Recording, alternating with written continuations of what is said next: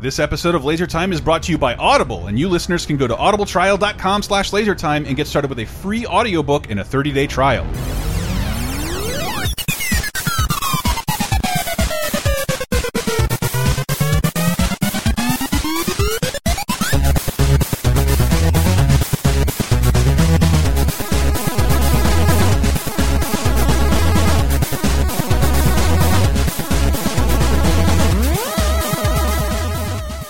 Cheap, and self-contained. It is laser time, everyone. Hi, welcome to the internet's 17th leading pop culture show, where each week we pick a topic, grab some news clip, do a ton of research, grab our favorite experts and friends, and try and elaborate on a very specific piece of pop culture minutia. Hi, I'm one of your hosts, Chris Antista. Who else is with me?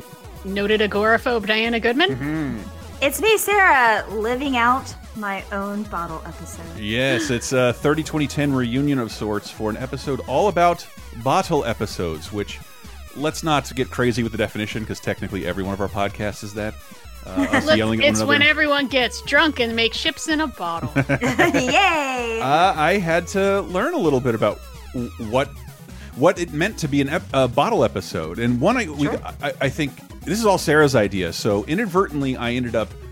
This all goes into some of my favorite episodes of my favorite television series of all time. I didn't know it would overlap like that. Yeah, uh, well, a lot of times that happens because, so to go into a little bit about what a bottle episode is, and for those of us that aren't like rewatching Community right now, which is what mm-hmm. I'm doing, but I started thinking about the idea of doing an episode about bottle episodes because we are, most of us, those of us who are quarantining and by choice or not by choice right now, are living our own bottle episode where everything that's happening in our lives is happening in a couple rooms of our house or maybe just in our tiny apartment. And so I feel like that was very apropos uh, Yes. for what we're going through right now. Any And anybody sitting at I home, watched- sitting at home with loved ones they've spent, I don't know, let's say seasons or years with, you are discovering new kinds of anger and maybe discovering new things about people because of how much you have to sit around and talk to one another and how tense things sometimes Mm-hmm. end up getting. Not trying to get a, you to drop any personal information, my lovely co-host, but it's happened to me. Oh, well, I love here. I love seeing tweets and, and people talking about like, well, now I know what my partner's work phone voice sounds like, which is something we're experiencing in this household. yeah, and uh, apparently, and I'm going straight off the wiki here. The term "bottle show" was coined by Leslie Stevens, the creator and executive producer of The Outer Limits, the '60s TV show, and it was uh, for an episode meant to be made in very little time and cost very little money. Uh, so this is so there's that's a little bit disputed actually. it is because So- he, he said it's like pulling an episode uh, right out of a bottle like a genie, and I don't. Mm-hmm. I think he was describing elaborate ways they'd get to the production of Outer Limits with that word, and then like. t- 30 years later, people ended up Mm-hmm. referring to this as bottle episode. Well, and I, you know, there's another Mm-hmm. definition that people think that it originated from, which is it's Star Trek. A lot of Star Trek writers would uh, consider these what we now know as bottle episodes as ship in a bottle. Yes. that's kind of where it came from because you're building a whole little universe in one episode. And- And yes, a lot of times it is like a way for production to make a fun episode, an interesting episode that doesn't take any extra sets or any extra guest stars or actors or anything like that. effects and a lot of times it's locations. Yeah it's done in a season in order to gear up for a big set piece episode that's going to come on later down the line. We're going to talk about um, an episode that that is exactly the reason why they did a bottle episode and ended up being one of the best episodes of the season. And I mean, I think what you were saying before was right. Is that yeah, these are some of our favorite episodes. I know it's my favorite episode of Friends, one of my favorite episodes of Friends, and um, and it's because like you're watching your favorite characters get down to the brass tacks of their relationships. right i Yeah. think i- yeah. yeah, exactly. it's not about driving the plot along but you end up learning details not unlike your civic and others in a quarantine situation but about your favorite fictional characters that you might not know otherwise if they are flying around in a spaceship or driving at full speed through a fucking chinatown in a great effects piece they're sitting there talking to one another revealing things that may not have come out for entire seasons and it was uh, it was so I- didn't know this would have so much. Uh, I don't know. I didn't know this would like appeal to me so much when you proposed the idea. But part of it was that we're all rewatching Community. I know we've talked about that in 30 2010, but thir uh, Community is one of my favorite shows ever. It didn't occur to me until recently that like I think the reason Parks and Rec and The Office have become modern day fairy tales for millennials is accessibility and the idea that they're they were on Netflix and all these streaming service it says and community not only wasn't but was like almost abandoned on a Yahoo screen service. Uh, community never got that commercial free binge luxury until this fucking month in 2020 as of this mm -hmm. recording during our wonderful quarantine. Mm -hmm. And and so now I'm I'm not only seeing friends talk about community and send me community memes for the first time in forever, I'm seeing new people discover the show and mm. and I think I discussed that with you guys. I was trying to introduce my lady to it, and there's nothing wrong with the first couple episodes of Community. It is above board, even at 10 years old, even with not a lot of high concept shit happening. But I ended up skipping her around to a ton of bottle or concept episodes that don't make mm -hmm. a lot of mm-hmm. sense to a new viewer, and I feel terrible about that. Mm. But I only wanted to mention it because, like, I have long, long since dropped the mantra or hashtag of six seasons in a movie I'm predicting now the response to Community on Netflix, it hitting the top 10 means the movie has never been more possible. the, the, Sony, who owns the show, and is why it didn't appear as many places as it should have. It was exclusive for like two ninety nine an episode for the to the PlayStation Video Store for a long time. Uh, yeah. It didn't get it didn't get seen as much as it should have outside of airing on NBC, and it wasn't uh, it wasn't accessible. And now it is. And where we are now, Sony's one of the smallest studios in the world that should take what they can get. In terms of Netflix wants to offer a small dump truck of money to make a community movie, I think it's never been more possible. I don't know what I'd want from that, but I'm just saying I love community, such as this is literally my introduction to the term bottle episode in Community season two, episode eight episode. Uh, co cooperative calligraphy. where uh, Annie loses her pen, and Abed he explains it all in this clip. Yes, this is uh, the this is what got us all started on bottle episodes. Of the puppy parade or not, because it's starting to feel like a bottle episode. Again with the TV crap. Hey, Meatball, did you take Annie's pen to make life more like Benny Hill or whatever you do? Abed? I wouldn't do that. I hate bottle episodes. They're wall-to-wall facial expression and emotional nuance. I might as well sit in the corner with a bucket on my head. Uh, oh, Abed, our favorite Spectrumy character in all pop culture history. Yeah. But who, who lives is... his life like a TV show. And he's like, and because Annie has lost her pen, she's sick of having her pen, which she thinks is stolen, inside the community study room. She has a breakdown and like I'm not leaving till we find this, and then it becomes 20 minutes where the cast all turns on one another, makes startling revelations, gets naked, and it's it's a wonderful episode. It's uh, so good. And for all of us Annies out there, mm -hmm. we all know the significant pain of losing your favorite pen. Yes, it's not mm-hmm. fun, and and it's it the worst. And it also has one of I had I had to get a clip of one of my favorite lines just because I love Shirley moments are few and far between just uh. because of who she is. But when she she uh what's it Nicole Yvette Brown can like light up, and I think they they've just pulled everything out of Britta's purse to see if she's stolen the pen and find a bunch of condoms and everyone's all judgy.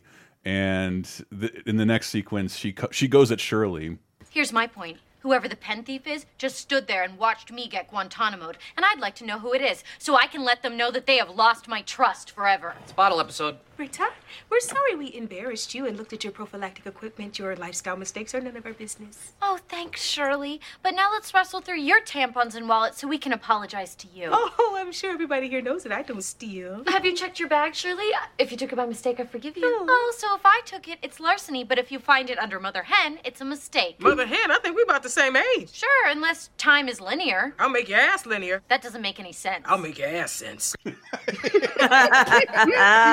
and I love labeling a clip "ass sense." That was so much fun for me. That's fun. And it's it's well, a it's a wonderful episode. And there are little things that drop out that haven't been revealed to other characters by other characters as of the, at this point in the show. It's really mm-hmm. interesting. Yeah. I mean, one of the so I tried to get back go back and try to figure out, well, what was the first bottle episode? And there's definitely of course debates on the internet about which one is the first one, but one of the consensuses consensi that I could mm -hmm. find was that. well, um, hold on. Um, so let's save it. I want to save that for the next segment because we got to take a tiny break. Okay. Let's close out uh, with a little community music, but we be right back with a little more to bottle episode history and some of our favorite episodes of television of all time in a second.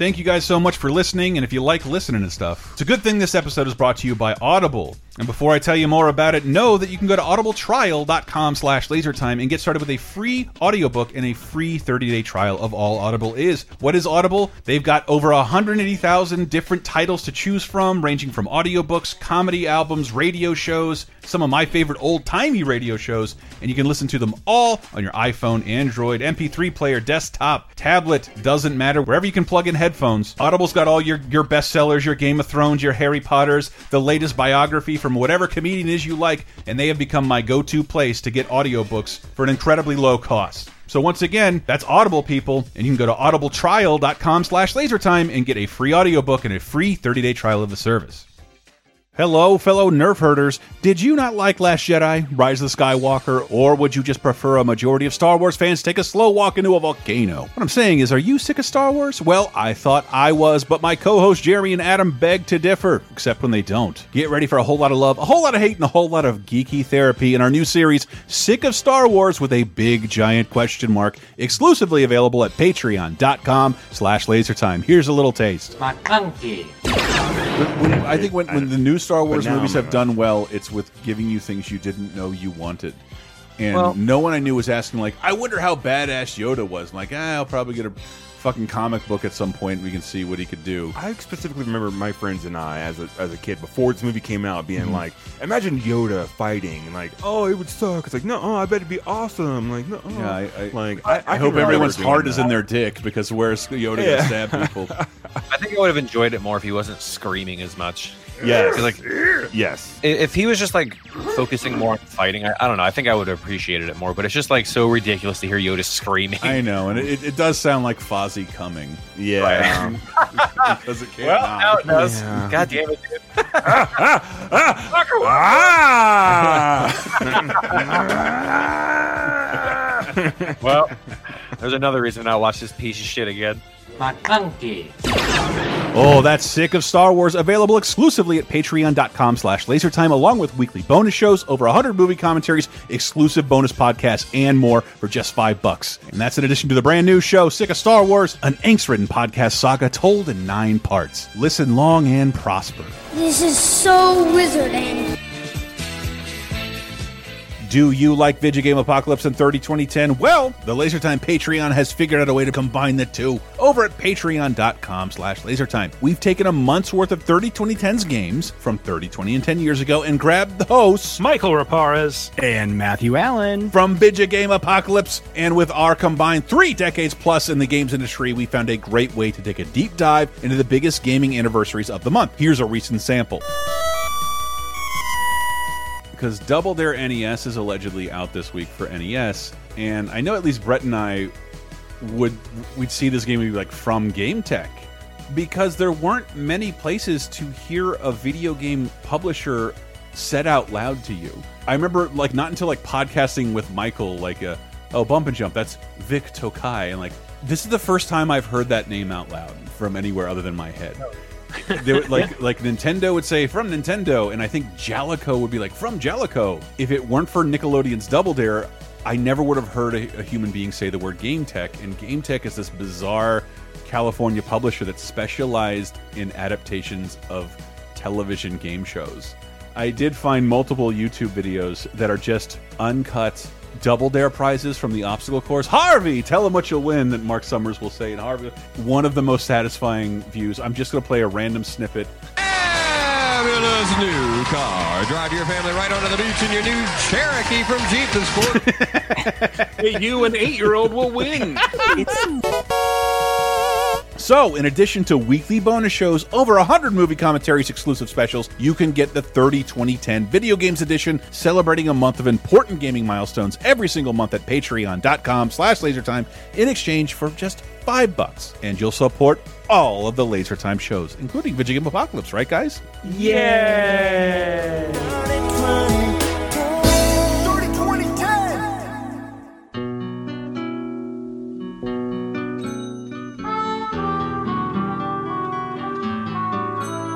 Coming in with a familiar TV theme song, talking about bottle episodes in this episode of Laser Time. We're all celebrating bottle episodes while we're all bottled in our little homes. I guess that pr probably that new episode of Parks and Rec probably counts. Yeah. Maybe. Technically, it takes place in like nine different locations, but It's like a six pack bottle episode. I just wanted to give them a shout out for doing something like that. Yeah. Uh, that'll That go was so down. fun. There's only one other instance of something in that we'll talk about in this episode that I think will go down in history. Um, Hmm. it- but the bottle episode, here's the way I tried to break it down. Um, I think uh, the producer of The Shield, Scott Brazil, he he said uh, they were talking about bottle episodes are sometimes used as mid-season cliffhangers, season openers to allow bigger budgets for sweeps and shit like that. And Scott Brazil of The Shield described the bottle episode as the sad little stepchild whose allowance is docked in order to buy Big Brother a new pair of sneaks. It is- it is typically in older television history, it's where they try and save every scrap of the budget. And I couldn't believe in one of the situations, in a modern situation, that is why that exists. Uh, To save money on a already popular television show, you can't get a little more money to make. You got to make. you got to make us a, basically a bottle episode. What I think the secret is is that it's a play that we see on television. Yeah, yeah, I think that makes sense. And I mean, there for some of the uh, the TV shows that I'm going to be talking about, they're they are like smaller indie style TV shows that no, they can't get that extra money. Like, you know, especially if you're on a cable network like Comedy Central, FX, something Right. like that. and and and, some of this is uh it, i say a play both in terms of like staging where usually it's takes place in a single location but also it's very self-reflective and revelatory in terms of character Mhm. moments and the way plays are and i i know sarah had a list of like bottle movies and like i still have trouble wrapping my head around that because those are like filmed plays and basically like 30% of Kevin Spacey's movie career is just adapting plays that are set in one location. And Yeah. It's true, but it's also a fun exercise to think Right. about what would you consider a bottle movie. And when I really put my like brain to it, my funnest example, most fun example is The Breakfast Club. yes. Yeah. Mm-hmm. Yeah, exactly. I mean, film plays. There's tons of film plays, and usually they they do something to open them up, and you can see a distinct difference in some of the movies uh, that we've thought of that are bottle movies.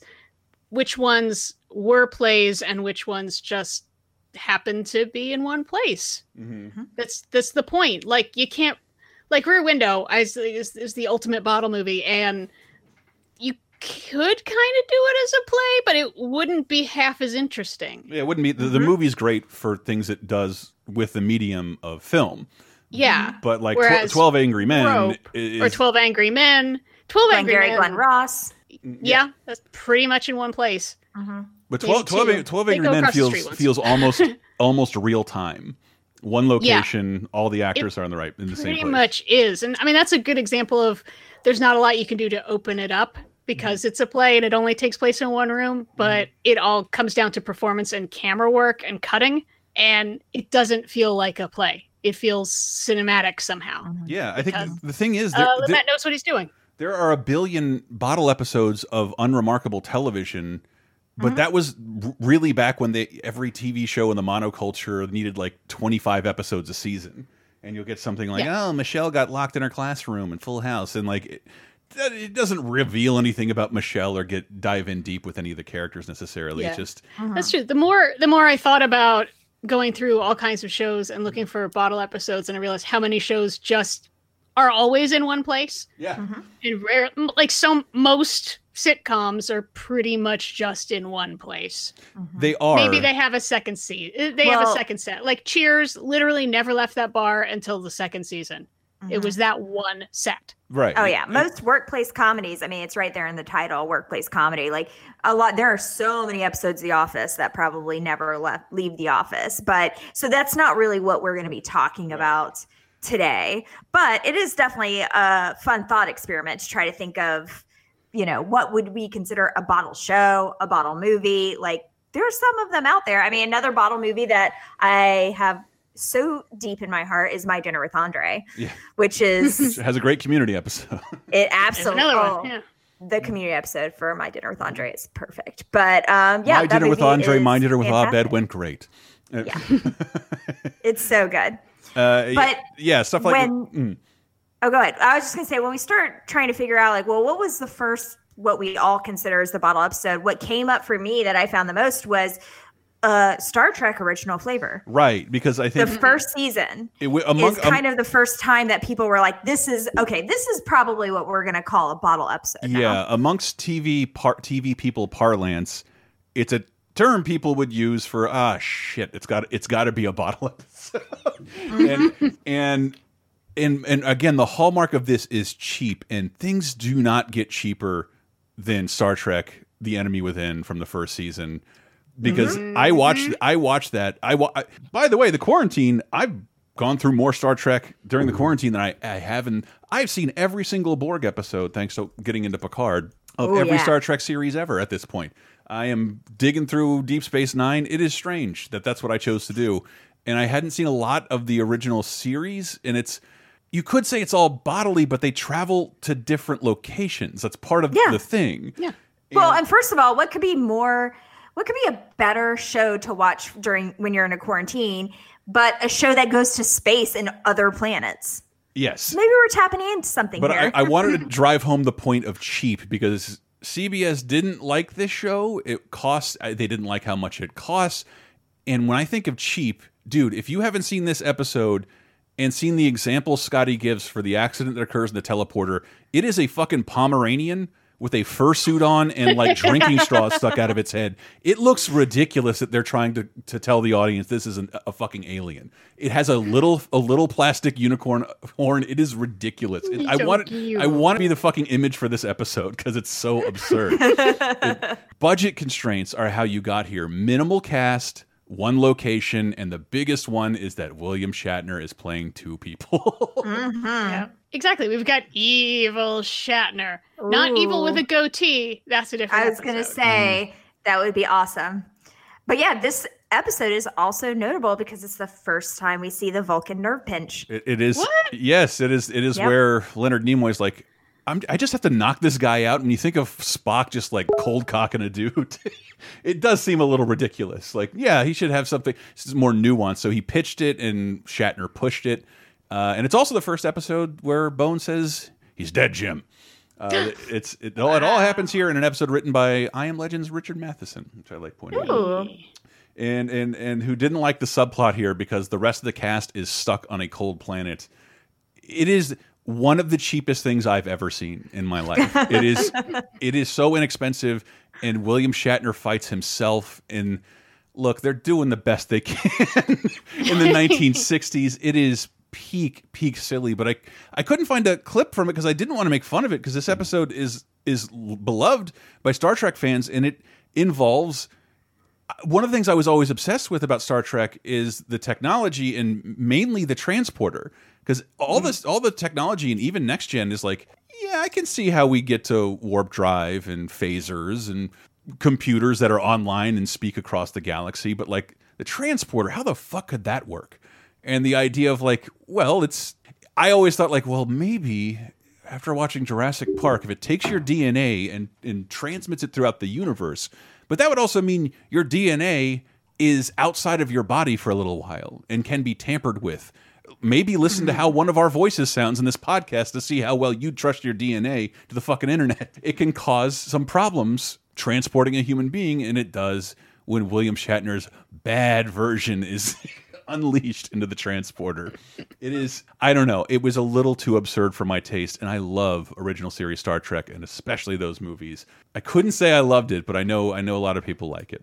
It's an important episode. It's the, it's the eighth episode, so it's like it, people who obsessed over Star Trek had very little to obsess over at this point. So of course it's canonized as one of the greatest episodes. I am not here to shit Mhm. on the enemy within, uh, not at all. All right. Yeah. Actually, can I let me bring up? Can I bring up the- the most recent one I could think of, where it's like, Please. okay, I'm not feeling this right now, but I love this episode, and this mm-hmm. is going to be controversial. But I want to talk Oh. about a cheap episode and an incredibly expensive season. Episode two of season eight of Game of Thrones, A Knight of the Seven Kingdoms. That's the episode before they have the giant expensive night battle that took like two months to shoot.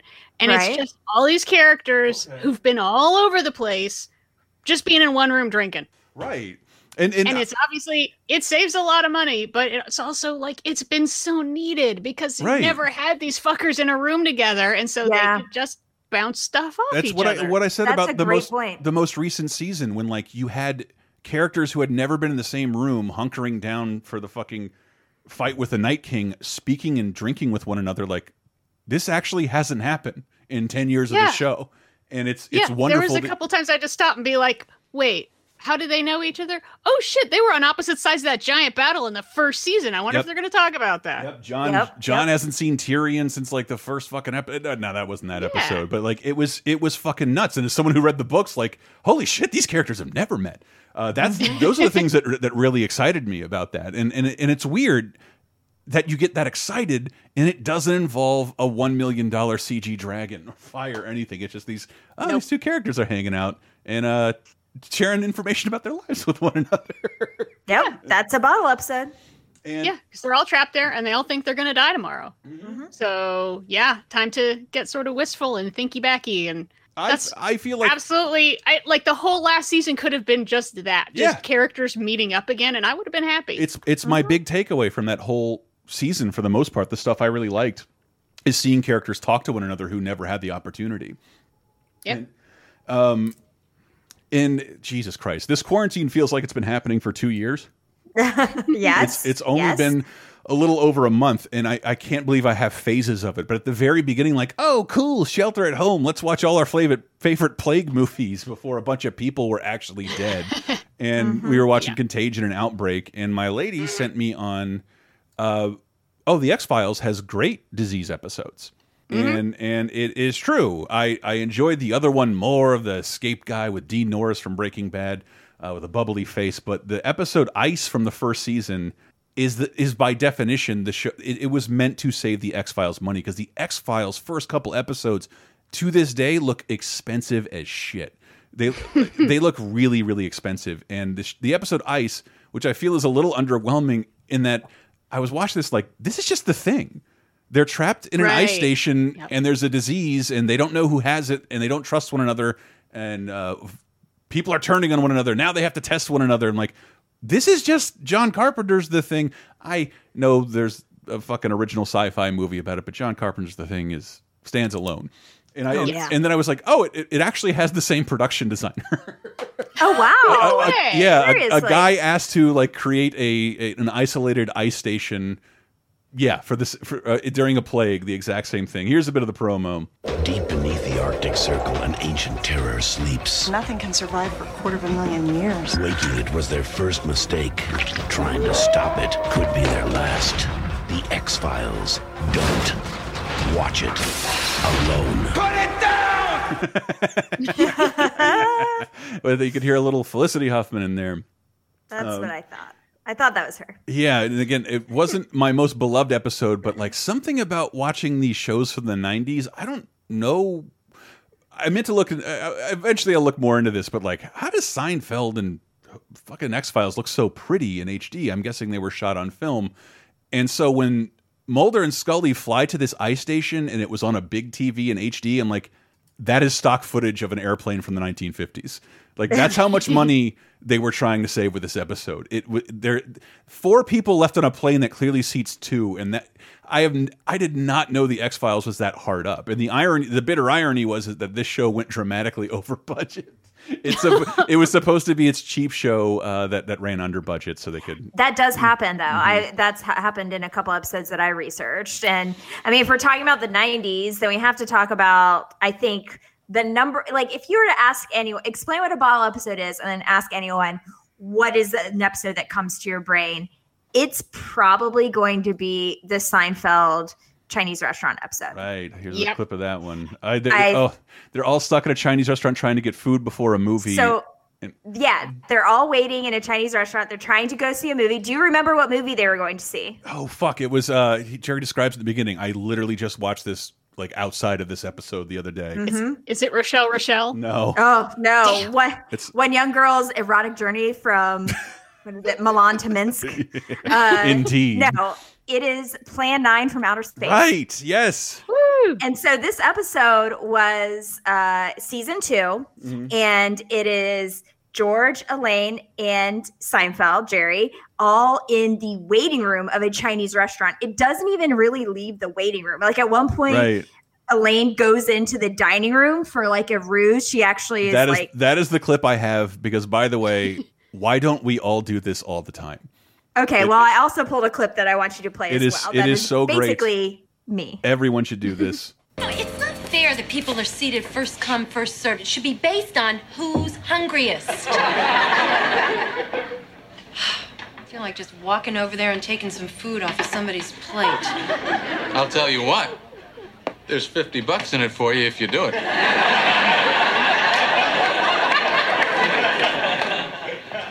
What do you mean? You walk over to that table, you pick up an egg roll, you don't say anything. You eat it, say thank you very much, wipe your mouth, walk away. I give you 50 bucks. What are they gonna do? They won't do anything. In fact, you'll be giving them a story to tell for the rest of their lives. 50 bucks? You'll give me 50 bucks. 50 bucks. That table over there, the three couples. Okay, I, I, I don't want to go over there and do it, and then come back here and find out there was some little loophole, like I didn't put mustard on it. No, no tricks. Should I do it, George? For 50 bucks? I put my face in this soup and blow. okay, mm. this episode like drives home for me, maybe more than any other episode. That yes, as I as a child, this really sunk in, and I really did model so much of my personality after Elaine because I really feel myself in this episode, mm-hmm. and it's so fun because it just shows these characters going through all these different moods of waiting to try to get into just eat. They're so hungry. They have something to get to. And I just love it because it's also perfect Seinfeld. It's uh, like these conversations that they're having, the situation they're in, is something that we've all gone through, but nobody really thought to make it into an entire show. Right, which is which is the Until now. ultimately like the show isn't about nothing. It's just about the minutia that happens in between nothing that feels like nothing that people aren't putting on on television. And I believe Right. the story was it like the network, the show is not a hit yet. It has Right. a four episode first season. This is the twelfth episode of Seinfeld, and it's Yeah. not a hit at all. It's critically well received. I think that what was the story? They were using the television special budget to just lock in Jerry Seinfeld to an NBC contract in case Mhm. Johnny Carson died Mhm. to, to like keep him as the host of the Tonight Yeah. Show. And and it, the show didn't have an audience for like the first three years, and the network hated this. Tell, right. Told them they like did never. not want to air this episode, and the only reason it aired is because Larry David threatened to quit. He was like, "You will lose me if we don't air this Which I- I episode." still don't- that's the only way that they that got to air. It's so that that itself, I wish I could see film just like. Oh really? The guy we don't know who, who we don't know from the show that's not popular is going to quit. Oh, okay. nice threat. Mm-hmm. Nice, nice threat. And I think See, I thought it was an angry letter writing campaign by James Hong fans because I was a part of that. so. That's what that's that's James Hong is he's in like 300 movies, and so many people just know him from this episode. I and know he's the him- host, right?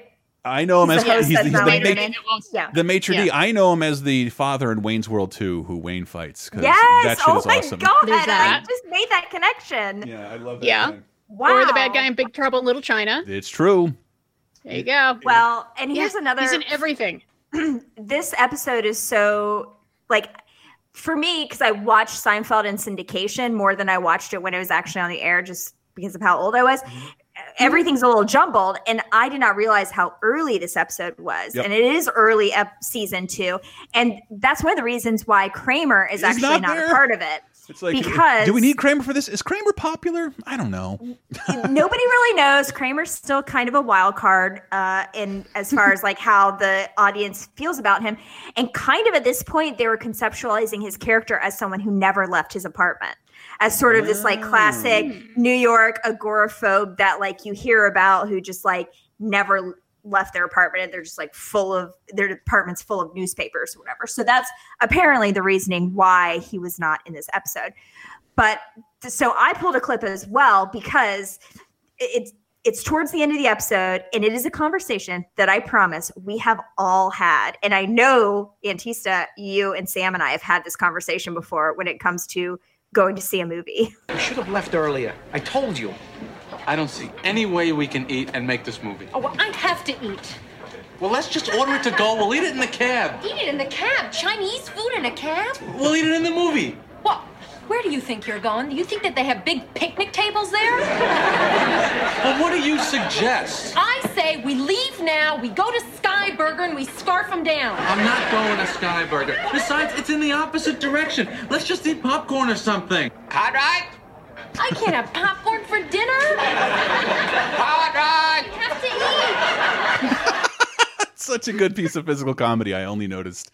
Uh, in this viewing. we we have definitely had this conversation. Uh-huh. You, me, and Sam have when we are trying to go to a movie and eat at the same time, and it is very difficult. Yeah, especially especially now that like all the malls attached to movie theaters are dying. And they, like, Right, oh, we can't even eat when we get there. We're like we have we have hot dogs and kettle corn. That'll be our dinner. And, or half the time, or our option is well, we could eat at the movie theater and then spend uh, twelve hundred dollars on food. right on nachos with rubber cheese and hot dogs. Right. Definitely going to kill you. I I, Right, I didn't want to make a case out of it, but I feel like when Seinfeld had its legs at, or ratings, it I really like the parking garage episode. yes. oh yeah, which- I was thinking about that too as kind of a bottle episode. And that came up as well. I kind of felt, I mean, absolutely, though, the Chinese restaurant fits perfectly in the bottle episode, like little definition. But the parking garage is pretty good. I just felt like parking garage kind of moved too many places within the parking garage. It, it did, it but it, it, it didn't. Again, seeing it on a big TV because I'd read that it is like the same like fifteen square feet of space, but they moved around the parking garage uh, colors and monikers to see what section they were in. So Mm. it, it and is. the cars. I imagine they had to They like did. move and repark all the cars, which to me sounds fucking. It it is. It is exhausting. I hate technically a vastly cheaper set than the Chinese restaurant, and, and it is there the entire time. And I love that two people get arrested for public urination because I that, that is that is the one thing that like. I, I I have a very optimistic outlook on things that can't happen to me. That's going to happen to me. I will be arrested for peeing in public at some point. I mean, I feel like if you haven't already, Uh, you're right. are you really? Is it going to happen? I don't know. I just can't imagine being out in public at this point. Again, Well, that's fair. recording this under Hmm. quarantine. Uh, you want to stick with must see TV? Sure. Sure. Because I don't know anything about these. Okay. Mm-hmm. I think we have a bunch of other must see TV ones, don't we? We do. And it makes sense because, you know, we're these are the exactly the type of shows that we're talking about that we're probably gearing up for another big set piece. And so one of the ones that I think you, Diana, brought up when we first started mm-hmm. talking about this was Frasier, the dinner party. Mm-hmm. Absolutely one of the best episodes of that show. It Because hundred percent is. because it's because it is stagey and we have some very talented comedic stage actors here. Oh, And they get to absolutely. go for it. Right. This whole episode is a play. And we talked about this episode on 30 2010 um, when it aired, I remember. And so I tried to grab. So the clip that I believe we played in 30 2010 was when they are blackballing the different couples and they're getting Mhm. so mean about it. So basically, Frasier and Niles are trying to plan a dinner party together. And it's not going very well because they both have very big egos and feelings about things. Um, the people they want to invite, they have opinions about, and some of those Mhm. people are all fucking nuts or have opinions about them. I mean, there's one where it's like, oh, can you make space for this Amazonian child that we've adopted? Uh, but he, he can only eat like beans of a certain color because the others frighten him so. like, well, now we need to get another person. It's all uneven. Yep. It, it just the amount of like sweat and tears and blood that go into them planning this dinner party is so great. So the other great clip that I love from this episode is after they invite people, someone one of the couples leaves a voicemail on um, Frasier's answering machine, a very old timey phrase, and they accidentally overhear the couple's conversation. Oh, Lord, was that the answering machine? Hi, it's Allison Wolpert, and yes, count us in for the 11th. Looking forward to it. Bye. That's wonderful. I so enjoy the Wolperts. Who was that? Uh, we just got invited to a dinner party at Dr. Crane's. Which Dr. Crane? Does it matter? You get the one, you get that other one. Personally, I think the whole arrangement is a little. Is that thing off the hook? What? Oh my god.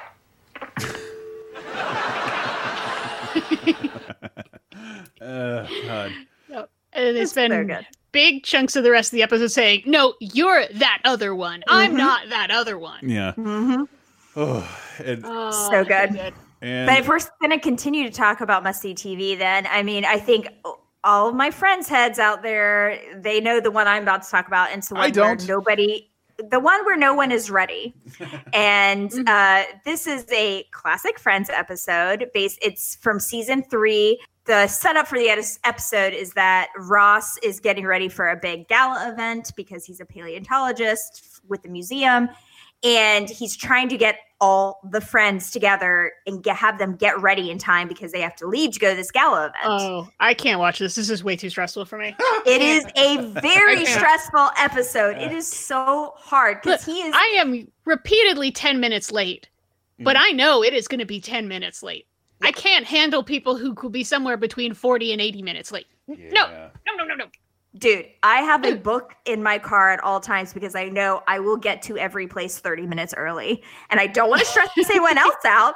I could just read my book in my car like while I'm waiting, but I am so paranoid about being on time. I, I, I literally have a stresses me out too. I, I I don't I am occasionally fashionably late.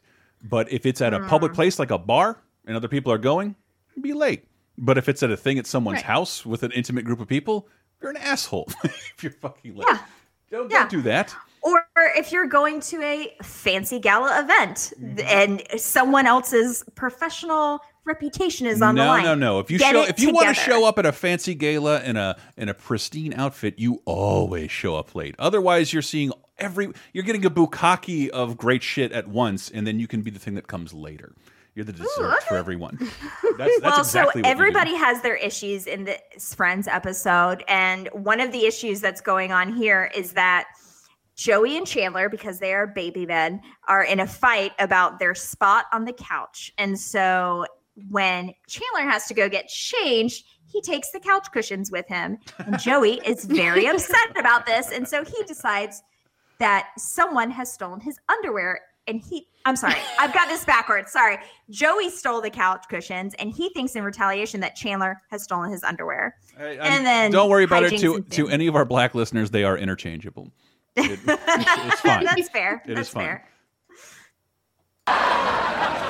Okay, um, then why do you have to wear underwear tonight? It's a rented tux, okay? Not gonna go commando in another man's fatigue. Well, then it looks like somebody's gonna have to give somebody back his cushions. Okay? You hide my clothes, I'm gonna do the exact opposite to you. What are you what are you gonna show me my clothes? Hey, opposite is opposite. He's got nothing!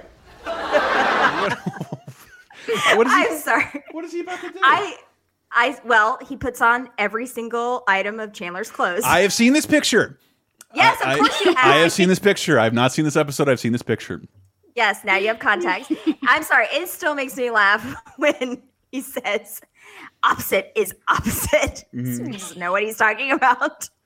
And and I yeah. like what I want to stick with the the sitcom live action angle before I get into some Wait, animation. but hold on. What's I up? also want to say, is this the first time all of us heard the phrase commando? I was going to ask that. Is this regarding the wearing first no underwear. they Used that. No. I On think it is. I oh, I'm pretty sure it is on Friends because this is season three, and this is definitely. I mean, now this is like part of our parlance, basically. But yeah, I'm pretty sure this is the first time that's come up. Just like Seinfeld has given us many linguistic gifts, this is one from Friends. I think. I don't know. I think Mhm. uh, Correct me if I'm wrong. There's an early part of a young boy's life where I think, um, for the only time when men's underwear will be, will will be more complicated than women's underwear. I have heard this term from since I was a little kid. I believe it dates back to like old ass England. No, ladies. Commando? going commando. Yes. Commando. I don't know. Mm-hmm. I Color def- me skeptical. No, no, you, but you don't know what it's like to have to constantly run around without underwear. I'm going to wear a bathing suit to school today, or like, oh, now I'm getting random erections at 12, and I need to wear three sets of underwear so the teacher doesn't see when they call me up to the chalkboard. Sorry to bring it down, but this explicit is on the show. Yeah, I don't know how terrible it is when it's like, oh my god, at any point, my body's just gonna start pouring out blood. How many pairs of underwear do I need to Oh, I wear didn't to think about stop that. I didn't think Yeah. about that. Oh, I just doing a quick search. I found uh, modern usage of going commando might go to 1974. Yeah, Oh, I- I- dang. I, heard it in the '80s. But but uh, sticking with uh, the live action stuff before I get into some animation and then our prestige television. Uh, Mm. I haven't seen an episode of You're the Worst, but I want to. Oh my god. Okay. Let me talk about You're the Worst. You're the Worst is the best. It's it's so good. It's such a great examination of a certain population of people in their late 20s, early 30s, mid 30s. Can't like, relate. tr- trying to figure out their lives and uh, they really deal with some very very serious like uh, mental and emotional issues that a lot of people go through and this episode in uh, particular is uh, one that deals with the main character's uh, very crippling depression. So this is in the Hmm. second season. Um, but for those people who are familiar with the eps- with the um, show, uh, the main character, she Gretchen, she has been struggling with depression for a very long time, but hiding it from all of her friends.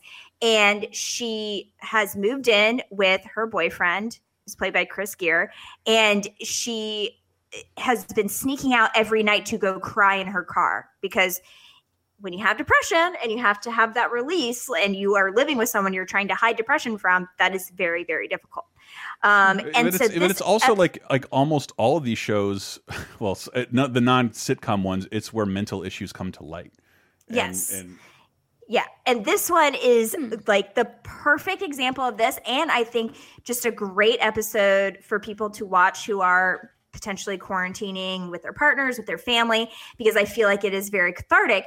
This is an episode where the whole gang, everyone that's involved with the show, are kind of all stuck together in one house because the LA marathon's going on and they can't leave because mm. all the streets are hmm. blocked off. And Gretchen is just at her wits' end with her depression, and she's bottling up all of her feelings, and she is hitting the bottle to in order to deal with the fact that she's in a house with all of her friends. She's going through a major, major, very bad depression, and she just does not know how to deal with it. Mm. And at the very end, it comes to a fever pitch where she just basically drunkenly roasts all of her friends so meanly and so like to the bone. And i i felt it so deep in my heart when you are so sad and you are so like destroyed yourself and you have no no other outlet besides like Taking it on drinking and people. lashing out at your loved ones Mm. and i feel like this might be a thing that maybe some people in quarantine might be going through and this could be a very good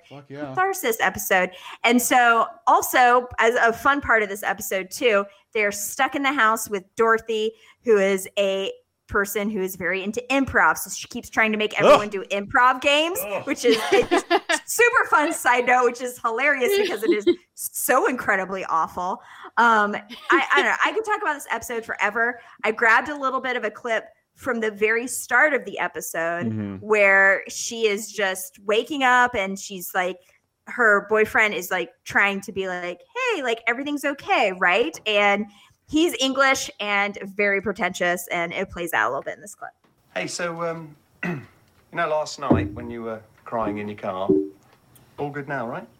Yeah, totally. I'm fine. Okay, good. Right then. Hakuna Matata. Did you just quote The Lion King to me? The lion what? No, it's a, it's a Swahili phrase. No, I know. Th- Are you sure you're not quoting something? Just Khalid, the kebab shop owner in my old neighborhood. I mean, the phrase doesn't translate easily to English, but it means that there is not currently a problem. So would you say it's a problem-free philosophy? That's a tad simplistic, but Okay, so it's like no worries for the rest of your days? Oh, Gretchen, Gretchen. And the East Africans live very much in the moment, so it's not a guarantee of smooth sailing forever. That's just childish. But you know what? If you like to be really positive about it, sure. Hakuna Matata for the rest of your days. I okay oh if you haven't seen you're the worst you're Mhm. sleeping on a great show it's all on hulu Mhm. just do it it's so great it really taps into some amazing stuff so i 100% also it gave me my new actress obsession Kether Donohue, who plays Lindsay in the show. She is phenomenal. My one of my favorite characters that I've seen on television in a very very long time. I just can't say enough good things about this show. And this episode in particular, I think, is very germane to all of our quarantine fears Mhm. of losing it, basically. Mm-hmm. Um, and I, I am way behind in my Broad City. I've never had a show I was so obsessed with for two years, and then like I don't know that I've seen anything after that. I've seen the first two seasons multiple times. Bought them on a weird platform I can't remember, maybe like the Xbox. Well, Uh, good news because Broad City is also on Hulu. Oh. Um, but this episode that I pulled is their bottle episode called Hurricane Wanda, where they are stuck in a they're in Abby's apartment and they have all the great side characters with them because everyone's basically hunkering down in a hurricane which is something we know a lot about down here in the south and uh, we've got all your side characters that you love bevers jaime jeremy the neighbor across the way from abby who she's obsessing about and lincoln of course played by hannibal buress who is mm, the best and bever's sister who is just a fun bonus but in this episode, they're all hunkered down trying to uh, get through this hurricane that's going through New York City. And Abby has Jeremy over, who is her across the way neighbor, and she has to go to the bathroom and has a little bathroom situation where she cannot flush. And there is a feces situation. And so she calls Ilana mm. in to help her out with that.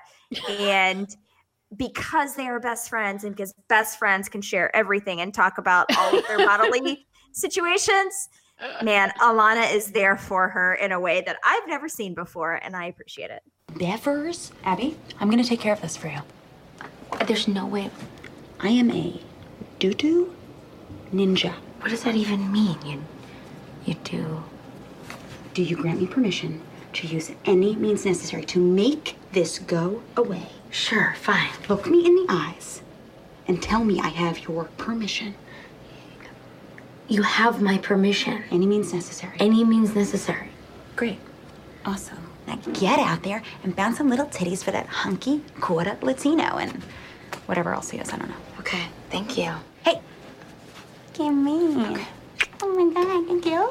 oh my god, I have seen this episode. it's so good. How- And it's so much fun to watch them also do like quarantine fun times together. Like they're Mhm. playing Truth or Dare, they're playing Never Have I Ever. And they have Jaime over, who's Ilana's roommate, and he is possibly my favorite side character on the show. And so I pulled a bonus clip because he feels like they're all going to die in this room together. So he starts making some very interesting confessions to people. In case we all die, there is something that I must confess to you, Ilana. Um, last summer, um, I switched our laptop chargers in the night, during the night, like a sneaky thief. And that's why yours never works. And I see you try and you try and you try, and it's because it's mine. It's never gonna work, Ilana. I'm so sorry. It's not a big deal at all. Really? My God. You are forgiveness. You are. Wow. Thank you, everybody. Namaste. Gracias. so moving on from our half hour live action shows, how about a little animation for the folks out there? Oh, Ooh la la. Actually, Yes. I thought of I thought of one more. I think people would be mad if we did not talk gimme, about. gimme die. Much like Seinfeld, a show about terrible people. They're often in just one location. Always sunny. It's always sunny. Ah, yeah, I like. I mean, like, about Chardee MacDennis, the board game. God damn it. Yeah. Is kind of. I mean, so many episodes of the show they they barely leave the bar. They or have an episode called the, apartment. the gang gets quarantined. It's perfect. it is a bottle Yeah, episode. It's a quarantine episode. Have a, a game where you know you have to pull a card and then eat it, or put your hand on a dartboard. People throw darts at it, and if you flinch, you lose, and you might get locked in a dog kennel. That's crazy. Um, Um, it is really uncomfortable because it's all so terrible. I, I I thought of Always Part Sunny The game is terrible. just because like I only watch that in in now like season long binges. I'm like, what's that episode where one of the characters is standing next to an easel in a presentation uh, that takes the whole episode? And like that's like 15 episodes of Always. Sunny. Yeah, that's a lot of them. that's- fuck, which one am I trying to think of? Uh, but uh, moving on to animation, the ones I did think of, it is my personal favorite bottle episode. Although it's weird to have an animated bottle episode, Right. except I guess you have to make fewer backgrounds. I mean, is that why? The way most modern shows work, that's not a factor. But I think Hmm. my favorite one is is Family Guy, Brian and Stewie, because it was it wasn't just a bottle episode; it was a fuck you to the critics who hate Family Guy. And Mm-hmm. it, and I, I maybe it functions like a normal bottle episode if you don't really care about the show. And again, I'm like I always like half care and half don't care about Family Guy. It's just always there and always fine. I, I don't love it. I definitely don't hate it though. But it's a it's an episode with no cutaway gags. Uh, it- no, I believe. Oh, wow. There's there. It's the first episode where there's no score. There's no music of any kind. And in the reruns, they cut out the intro. So it's just a play. Brian and Stewie. Brian and Stewie go to Brian's safety deposit box and get locked in a bank vault for a weekend and they just talk for an entire episode and i really really like it. And because it highlights one of the one of the things it's based on an archie bunker episode which i'm not going to bore you with a clip of but when like characters really get to the bottom of their feelings and don't have anything to distract them from saying what they actually mean. It's not uh, it's not like Emmy award winning or anything like that. It's just the deepest exploration you've ever have had of these two characters and their friendship. And if you see it once, you'll remember it forever because there's a lot of shocking things that occur in this episode. Uh, once a highlight being once Brian opens up his safety deposit box, Stewie sees a gun and is like, "Why do you? Hey, dude, why do you have a gun?" And I, I truncated this so it is a little more elegant. Hey, Bry, Yeah? how come you have a gun? I don't know. What do you mean you don't know? You're, all, you, you, what about all that liberal crap you're always spewing about stricter gun regulations? You even cried after Columbine. Because that was a national tragedy. Oh, it's kind of a regional tragedy. Whatever. It's just weird, you know? I mean, you're the last person anybody would expect to have a gun. Well, that's why I keep it here where it's safe. That doesn't make any sense. Why have it if you're not going to use it? Is it like a sexual thing? No. Oh, that's a relief. I hate the idea of you getting your thrills pressing a gun up against your crotch. You know, I, I really don't want to talk about this with you, Stewie. Okay, okay, I respect that. Thank you. Are you sure it's not a sexual thing? I'm sure. Oh, good, because that'd be strange if you had fantasies about pressing a gun up against your crotch and feeling your heart beat through your balls. Please tell me why you have it.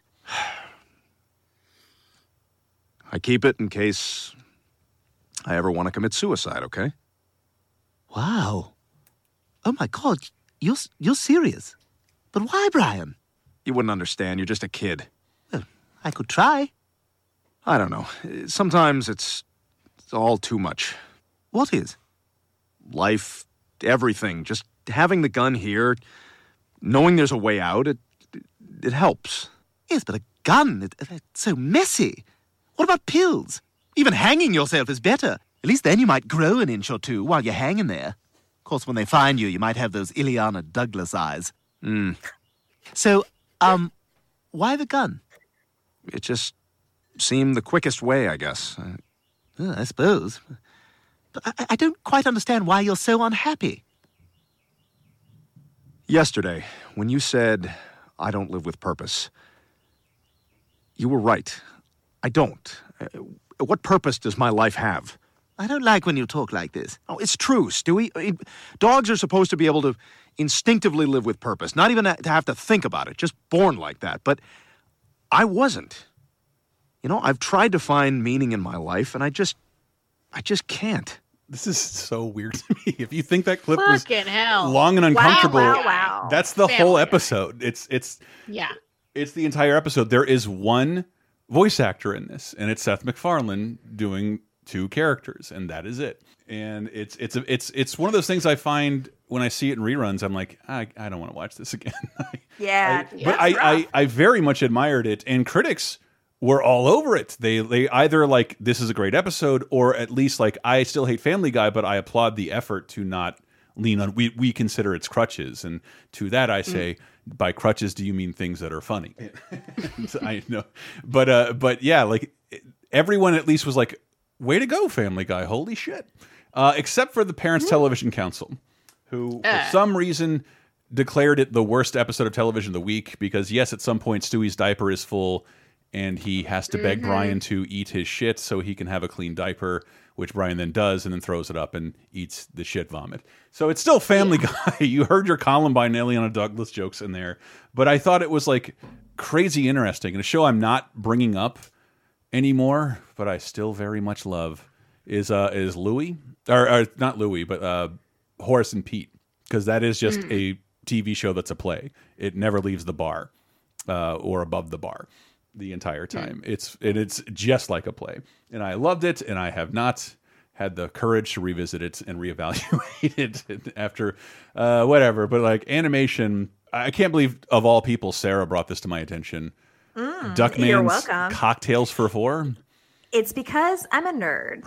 Yeah, it's it's I do my research, yo. it's Duckman's not a very serious show, so it's odd that there is an episode that's semi-serious with continuity because like Duckman has an adversary and it's King Chicken voiced by the wonderful Tim Curry. I just heard an interview with uh, Jason Alexander talking about like how he'd shout his lungs out as Duckman uh, during it was and it was during Seinfeld's popularity. So there were times like he could be jeopardizing his Costanza performance to be Duckman, and I find that hilarious but it's also that Duckman is it's lost to time due to where it aired and I think what it is. It was on the USA network. It was a cable show. It predates South Park, but it really kind of goes there with the edginess and to the point where like man a lot this whole this episode opens up with a just an irredeemable act of homophobia from Duckman um, as he's driving his son Ajax to his new girlfriend's house so they can meet her parents.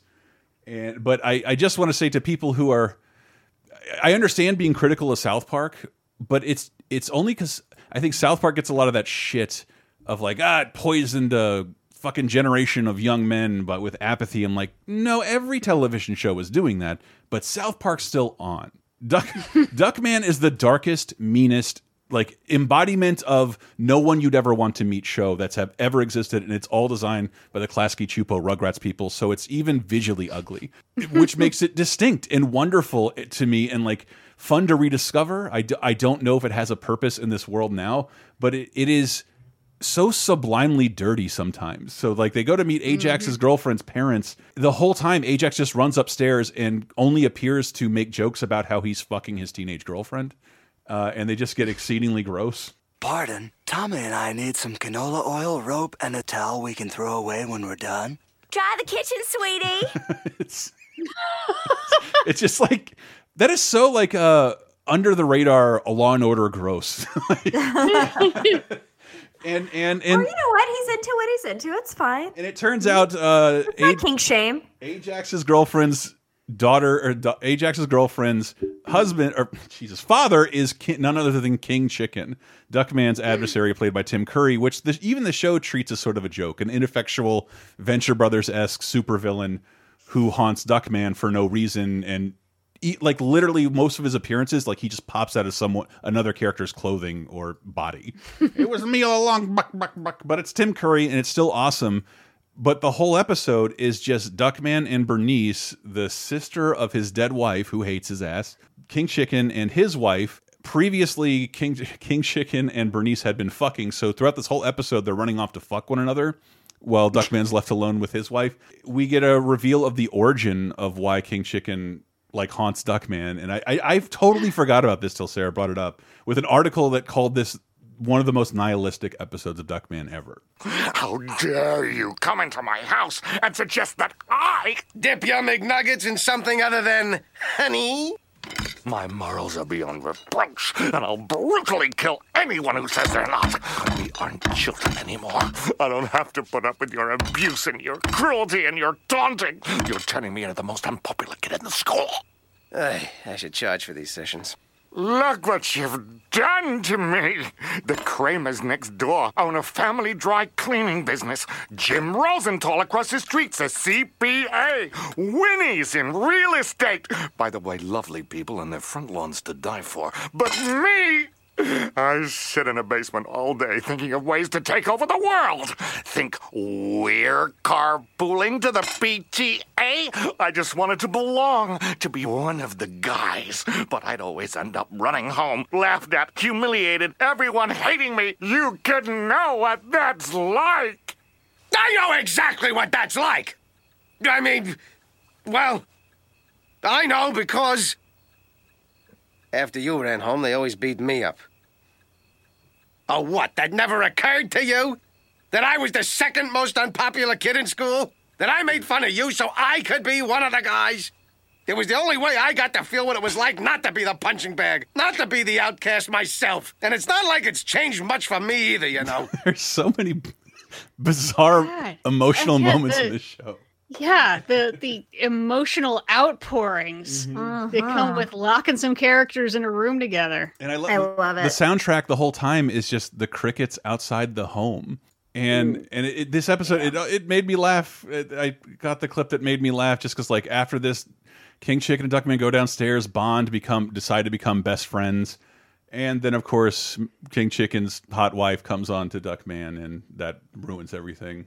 Uh, wait, mi- mi- Mrs. Chicken, we can't do this. This is wrong. If we did anything, it would crush my new best friend, and we'd both regret it for the rest of our lives. Of course, it's not like lives are that long. Oh. Oh. What the? What's going on here? This is how you carry on a friendship? Of course not. I barely even like her. Oh, you meant with you. Look, I wouldn't have gone through with it another 20, 30 minutes. I would have put my foot down. Sorry, I just- it's such a mean show, man. Like Duckman is damn it. ridiculous, and most of it's on YouTube because I guess maybe it should show up on Peacock, but nobody cares about this show except for me and a few other people. But I love it. Uh, uh, I don't love certain things about it, but it like it is a wonderful relic that will never be made again. And it just when some people criticize South Park and its tone, like, dude, everything was like that back then. They're just not on the air anymore. Drawn together would explode Twitter. Wait, I had one more half hour of television, but it didn't qualify for must see TV. But one of the best shows people don't talk about enough Atlanta. Mm-hmm. Uh, Atlanta has the best bottle episode of the last five years, and that is because Atlanta. Uh, I, I this guy Donald Glover. It turns out he can do a lot of different things and does, and his Oh, schedule yes. is wacky. So the first season is kind of very earnestly see what did there uh, his character uh, a, a, a story about um, an Atlanta group of friends and family who are trying to launch a rap career, and then very clearly Donald Glover's career kind of takes off. So every episode becomes a bottle episode. Donald Glover isn't in, I think, fifty percent of the episodes uh, at all. There, there are several episodes that revolve around just the women of the show, and and and that the the men do not appear. By that I mean the guys on the poster for Atlanta are not in the episode, uh, and and they they have their own Pine Barrens episode. Uh, Paperboy gets lost in the woods. It, this literally happens. But the absolute best is because it takes a bottle episode and turns it into almost the purest distillation of horror you've ever seen in your entire life. And if you haven't seen Teddy Perkins, you might have seen Teddy Perkins because Donald Glover went to the Emmys dressed as him. If you like, Yep. why is Donald Glover dressed as Michael Jackson in a white face mask? Like, no, that is the character Teddy Perkins from the episode Teddy Perkins, uh, directed by Donald Glover. And it involves uh, Keith Stanfield's character was a Darius going to pick up a free piano and finding a very creepy guy in, let's be honest, pure whiteface, which is not okay. Uh, uh, I don't actually care about that. Uh, but a guy who who will not let Darius leave the house and wants to keep telling him more things about his family and taking him through deeper and darker rooms.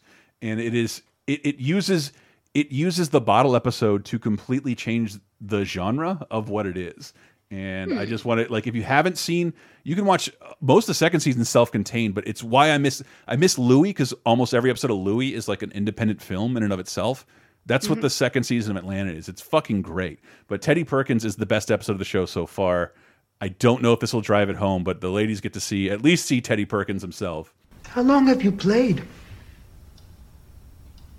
Oh, you you talking about the piano? Uh, no, I never studied. Man. I just uh, kind of like the way it looks, especially this one. Color key. Are you a fan of Benny's? Who?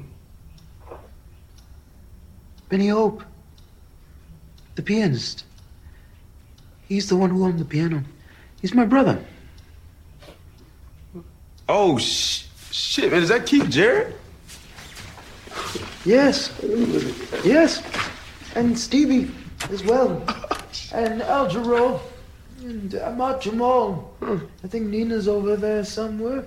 Ahmad and my brother. They had a residency in New York together. So Teddy keeps claiming it's my brother's piano. He's in the house somewhere, and it it starts to become like, does a brother exist? Is it That is is it you? chilling. It, like it's it, it, it's explained comedically because like the only time you see the other characters in the show, the only time Donald Glover is in the episode outside of the mask is in a car. He gives a cell phone call to. Dude is obviously a weirdo, man. Look, let's just play along with it, get the piano, and get the hell up out. Yeah, but how though, man? I feel like like he's stalling or something. Like you want to keep me here. Explain again, man. Is Teddy the white dude or the black dude? You know what? I don't even think Teddy exists, bro. I feel like Benny created Teddy to make up for the fact that he made himself look like a ghoul. a goal. Like, how bad is he? It's real bad, man. I mean, bad. The nigga looked like somebody left Sammy Sosa in the dryer. Sorry, that's really. They Google Sammy Sosa in the, later in the scene, uh, respond to whatever's happened to his skin. But that, that's a good segue into oh boy, my tiny little favorite section here, prestige television. Ooh la la. So I forget what I had, what made me think of it earlier, but I just wanted to mention this episode real quick. It is not considered great as a standalone episode, Mm. but it is the most standalone episode that has ever existed Hmm. of uh, The West Wing. Yeah, so okay, I considered putting this one on the list, but because it is a purely standalone episode that is purely in reaction to 9/11, I yes, it is a bottle episode, but I don't know. I felt conflicted about putting in the list because it doesn't it- it- it- I don't know how much it drives the characters forward No, in a it- way it that we were previously talking about. It stalls a massive cliffhanger, which is the president not being, I don't believe being impeached, but just ousted for lying on, on his medical reports. That's true. Yeah. and, and like just like for but nine it, it is written and shot within one month of 9-11 it is one of the first dramatic shows to have written something and make Reacted air to it, that yeah. reacted to 9-11 afterwards without ever mentioning 9-11 but it's like how do we have a show the west wing about the president and his staff and not mm-hmm. talk about 9-11 when for the first time in my world people were listening and respecting the president for the first time ever? And and, and so it has an episode Isaac and Ishmael I guess to my knowledge that's that uh that fucking infinity stone split into Islam and Christianity right Mm. uh yeah. depending on Well, which one you want to choose Judaism to Christianity. Yeah. my bad uh again I knew I'd get Yeah. that wrong but, but yeah, it's uh I mean it's Aaron Sorkin via the characters lecturing us on uh not becoming Islamophobic Mm-hmm. is a big part of it. Uh I think my favorite part is when they go through, all right, so who who are the Taliban? What's the American equivalent? I have that clip Diana Yeah. I think about this comparison still. Oh, it's it's a one of little the it's bit of it's the- one of the, only thing that of the holds up Though, real quick though, the background of the episode, if you haven't seen it, is that um, there's a school tour going on Yes. right now in the West Wing, and that there is a some sort of terroristic threat happens, and so they are all locked down in the kitchen mess hall. It's actually it's actually really clever because yeah. it's I think it's even designated as a special, even though Mhm. on the DVD it's the first episode of the third season. Um, the the episode technically like sort of stars the kids touring the White House, and the cast of The West Wing show up in cameos. Right. Like, exactly. one at a time. Like it really it really focuses on the kids, which I don't know if that's eh, I don't know how much It- I love that choice because it makes it feel much more like a special than it is an After-school actual an episode. Yeah. Yeah. Well, it's just that like Aaron Sorkin has his faults, but like he doesn't. He can. I feel like he still does a good job of explaining things without talking down to the people he's trying to reach. And I think I, uh, uh, I mean, I would say he No. did have that skill, but By the way, we're the talking. We're talking. disagree with you we're on that. talking to people he's not trying to reach. Like I think, in terms of this being a network show in prime time post 9-11, it, it it it's why like if, it's interesting to watch re re reviews of this episode because like the West Wing is notoriously fast paced with a ton of dialogue and crams in a ton of shit into like 50 minutes. And this is like mm-hmm. the most stretchy of stretchy stretch Armstrong episodes that there is because there's not a lot to pin this episode on. It's slow and it's weird, but it was like sort of what the country needed in in my opinion was the only scripted show to do that in the Oh, wake yeah, of 9/11. absolutely. And and this is something that like this is the clip that holds up the best. None of the Jed Bartlet stuff does. Uh, uh, Bradley Whitford explaining the equivalent of wh whatever. Here he'll explain. So why is everybody trying to kill us? Not everybody. It seems like everybody. It's just the Arabs. Saying the Arabs is too general. It's Islamic. It's not Arabs. It's not Islamics. They're juniors and seniors? Yes. You're juniors and seniors. In honor of the SATs you're about to take, answer the following question. Thanks. Islamic extremist is to Islamic as blank is to Christianity. Islamic extremist is to Islamic as blank is to Christianity. Christian fundamentalists. No. Uh, Jehovah's Witnesses? No, guys, the Christian right may not be your cup of tea, but they're not blowing stuff up. Islamic extremist is to Islamic as blank is to Christianity. That's what we're talking about. It's the Klan gone medieval and global. It's it's he just writes KKK and circles it, and I still think that's.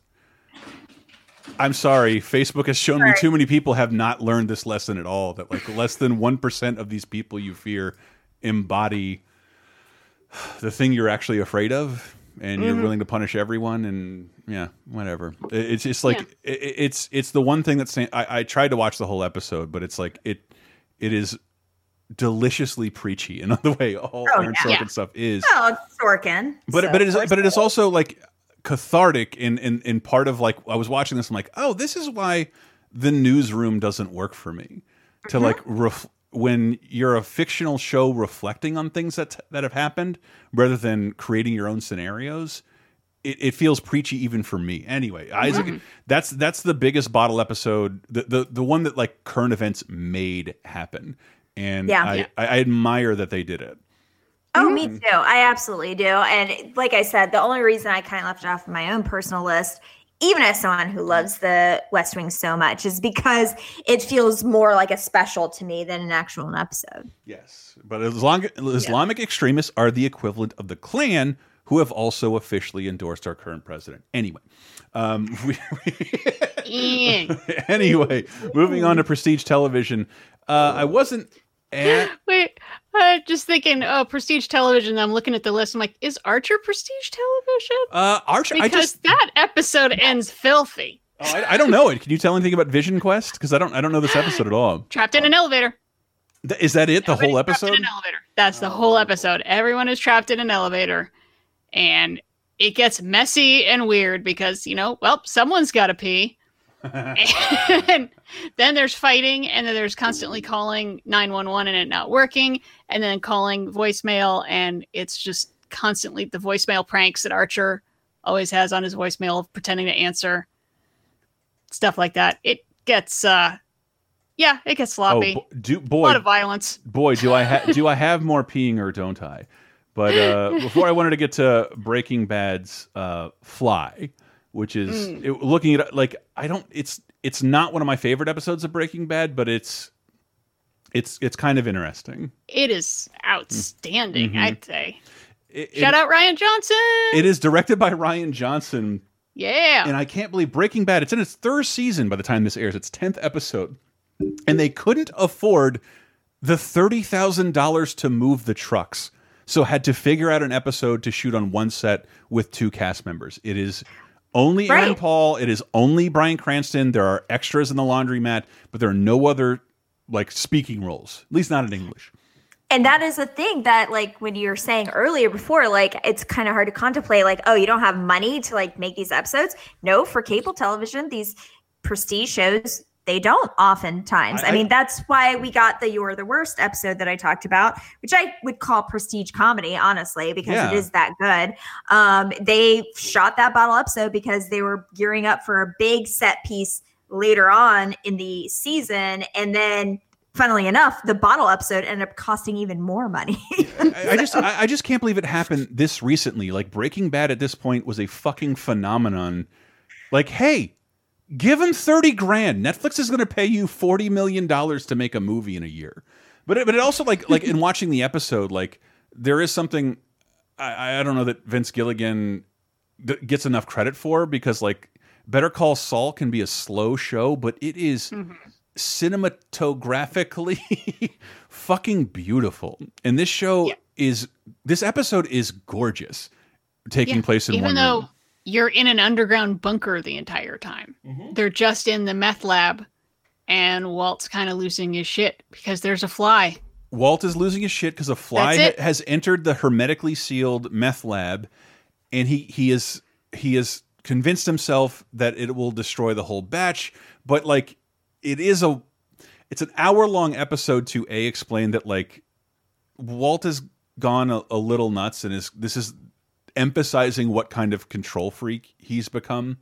Mm-hmm. Uh, and, and and also there's a couple of revelations that I I still won't spoil for people who haven't seen Breaking Bad. But well, I think it it's one of the things that shows that like making the drug has become his drug.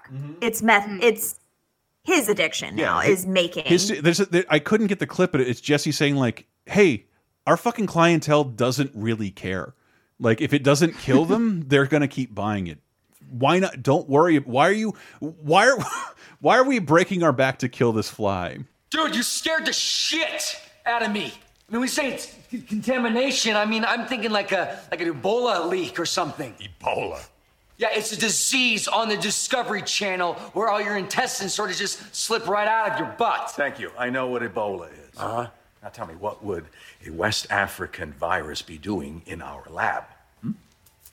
So you're chasing around a fly, and in your world, I'm the idiot. And they end up having, I I think, like two season long confrontations over the idea this quixotic adventure to kill this fly.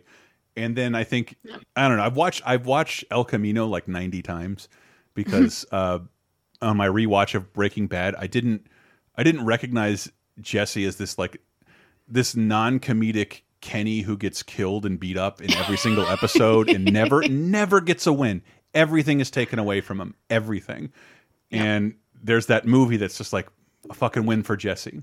Like taking what he learned from Walter White and a win for a win for Jesse. And even in this episode, like he's he's like emotionally kicked in the dick and so like okay, Mr. whatever, Mr. White, I'll help you. Like Yep. I'll help you. He's a good guy.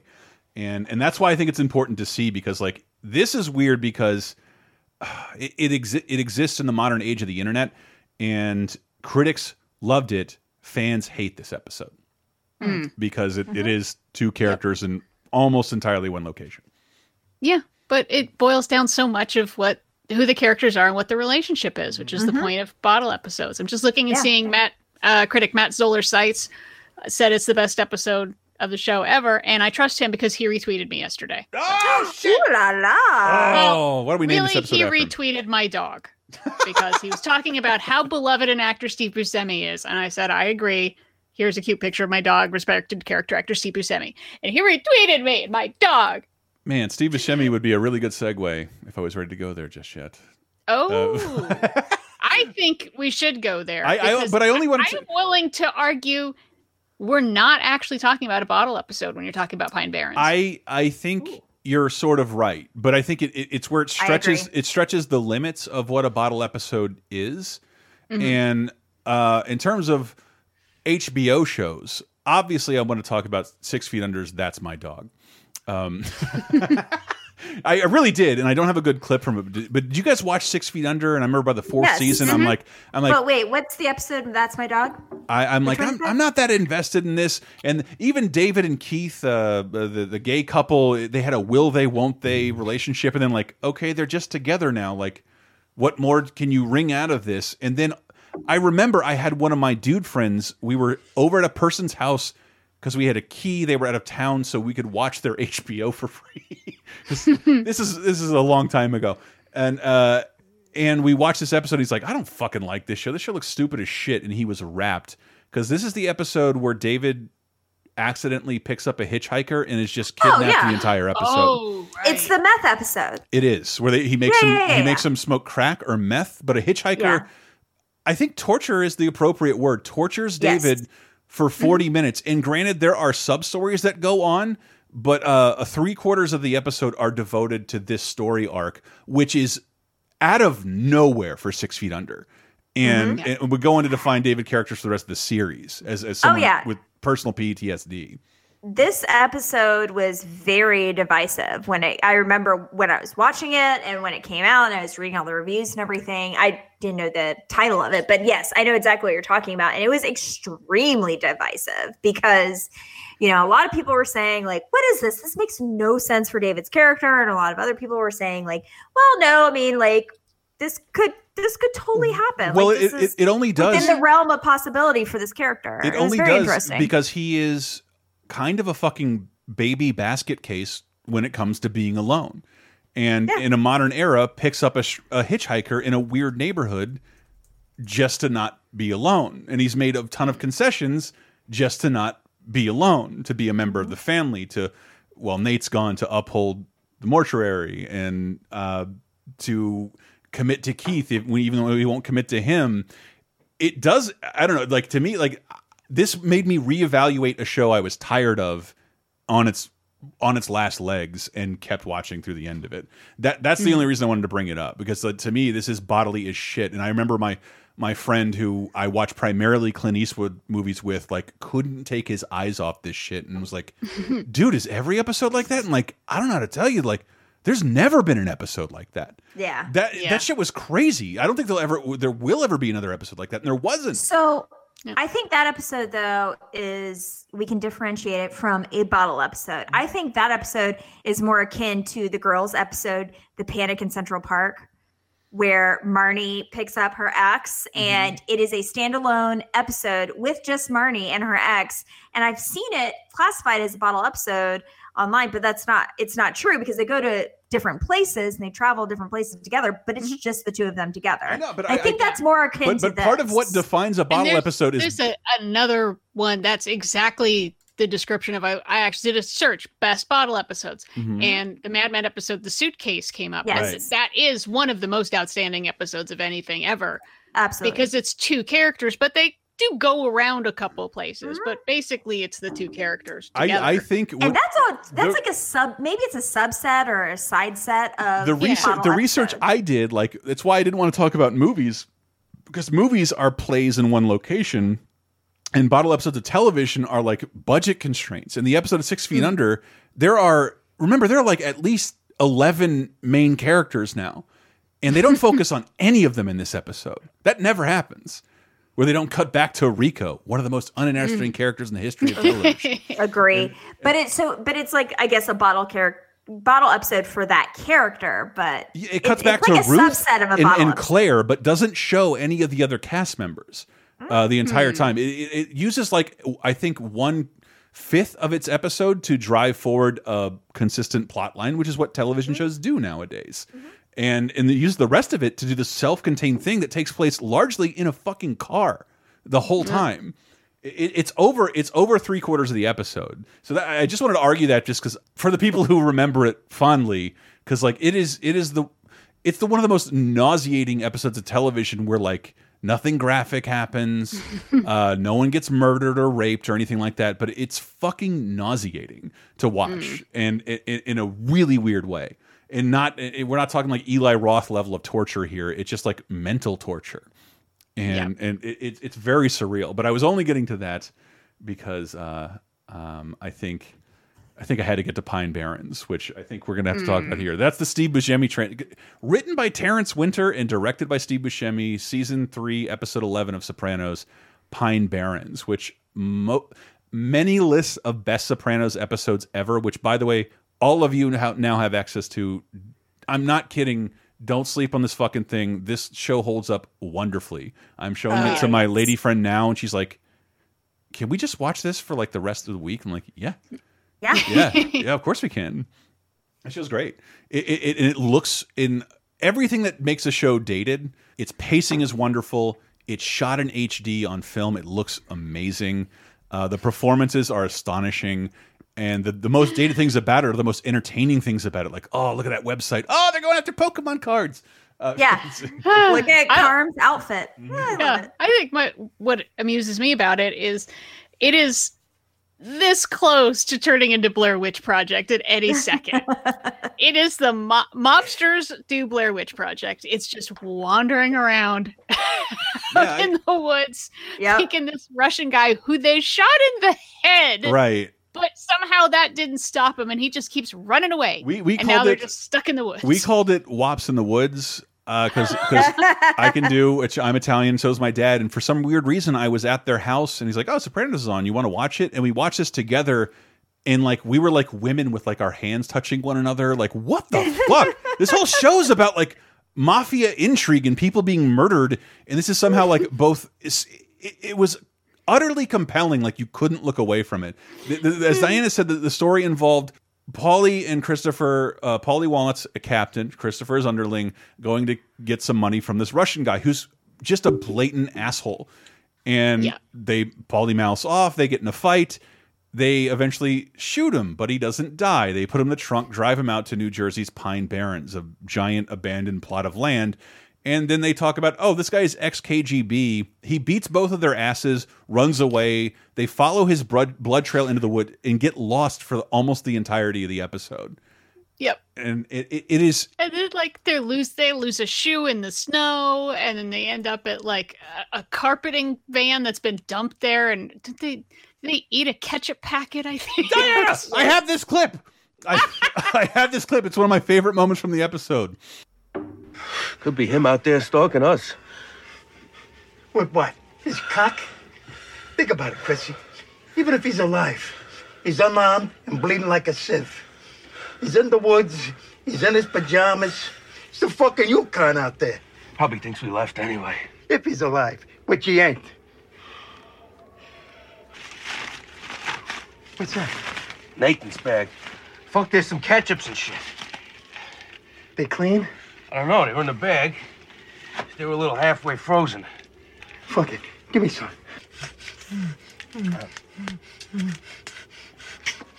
Not bad.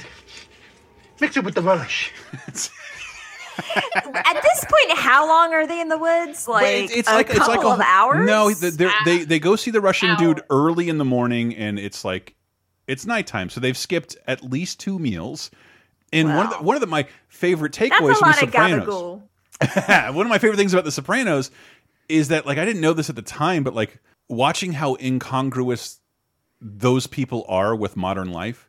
They are Mhm. hanging on to this old vestige of what they thought was culturally important and yes, profitable. Uh, but how their refusal to change. So when these motherfuckers go out in the woods and lose their fucking like precious topsiders, Paulie Walnut's hair should have won an Emmy for best comedic performance. that his his gray wings that stick out the entire time. It is, and I think that's to me that's what it would have highlighted is that The Sopranos holds up well for me because it's it's incredibly funny uh, to Yeah. this day. They they Oh, are yeah. a bunch of hilarious. of dickhead weirdo. I don't want to say conservatives, but like eh, I don't want anything to change at all kind of people. Mhm. And and like and how even if I was watching the first episode, them going into Starbucks. What the fuck is this shit? This should have been ours. Bialetti, what the fuck is that? It, it, it's it's hysterical, and and it's I didn't even, like Steve Buscemi before he was a cast member was a director of multiple episodes.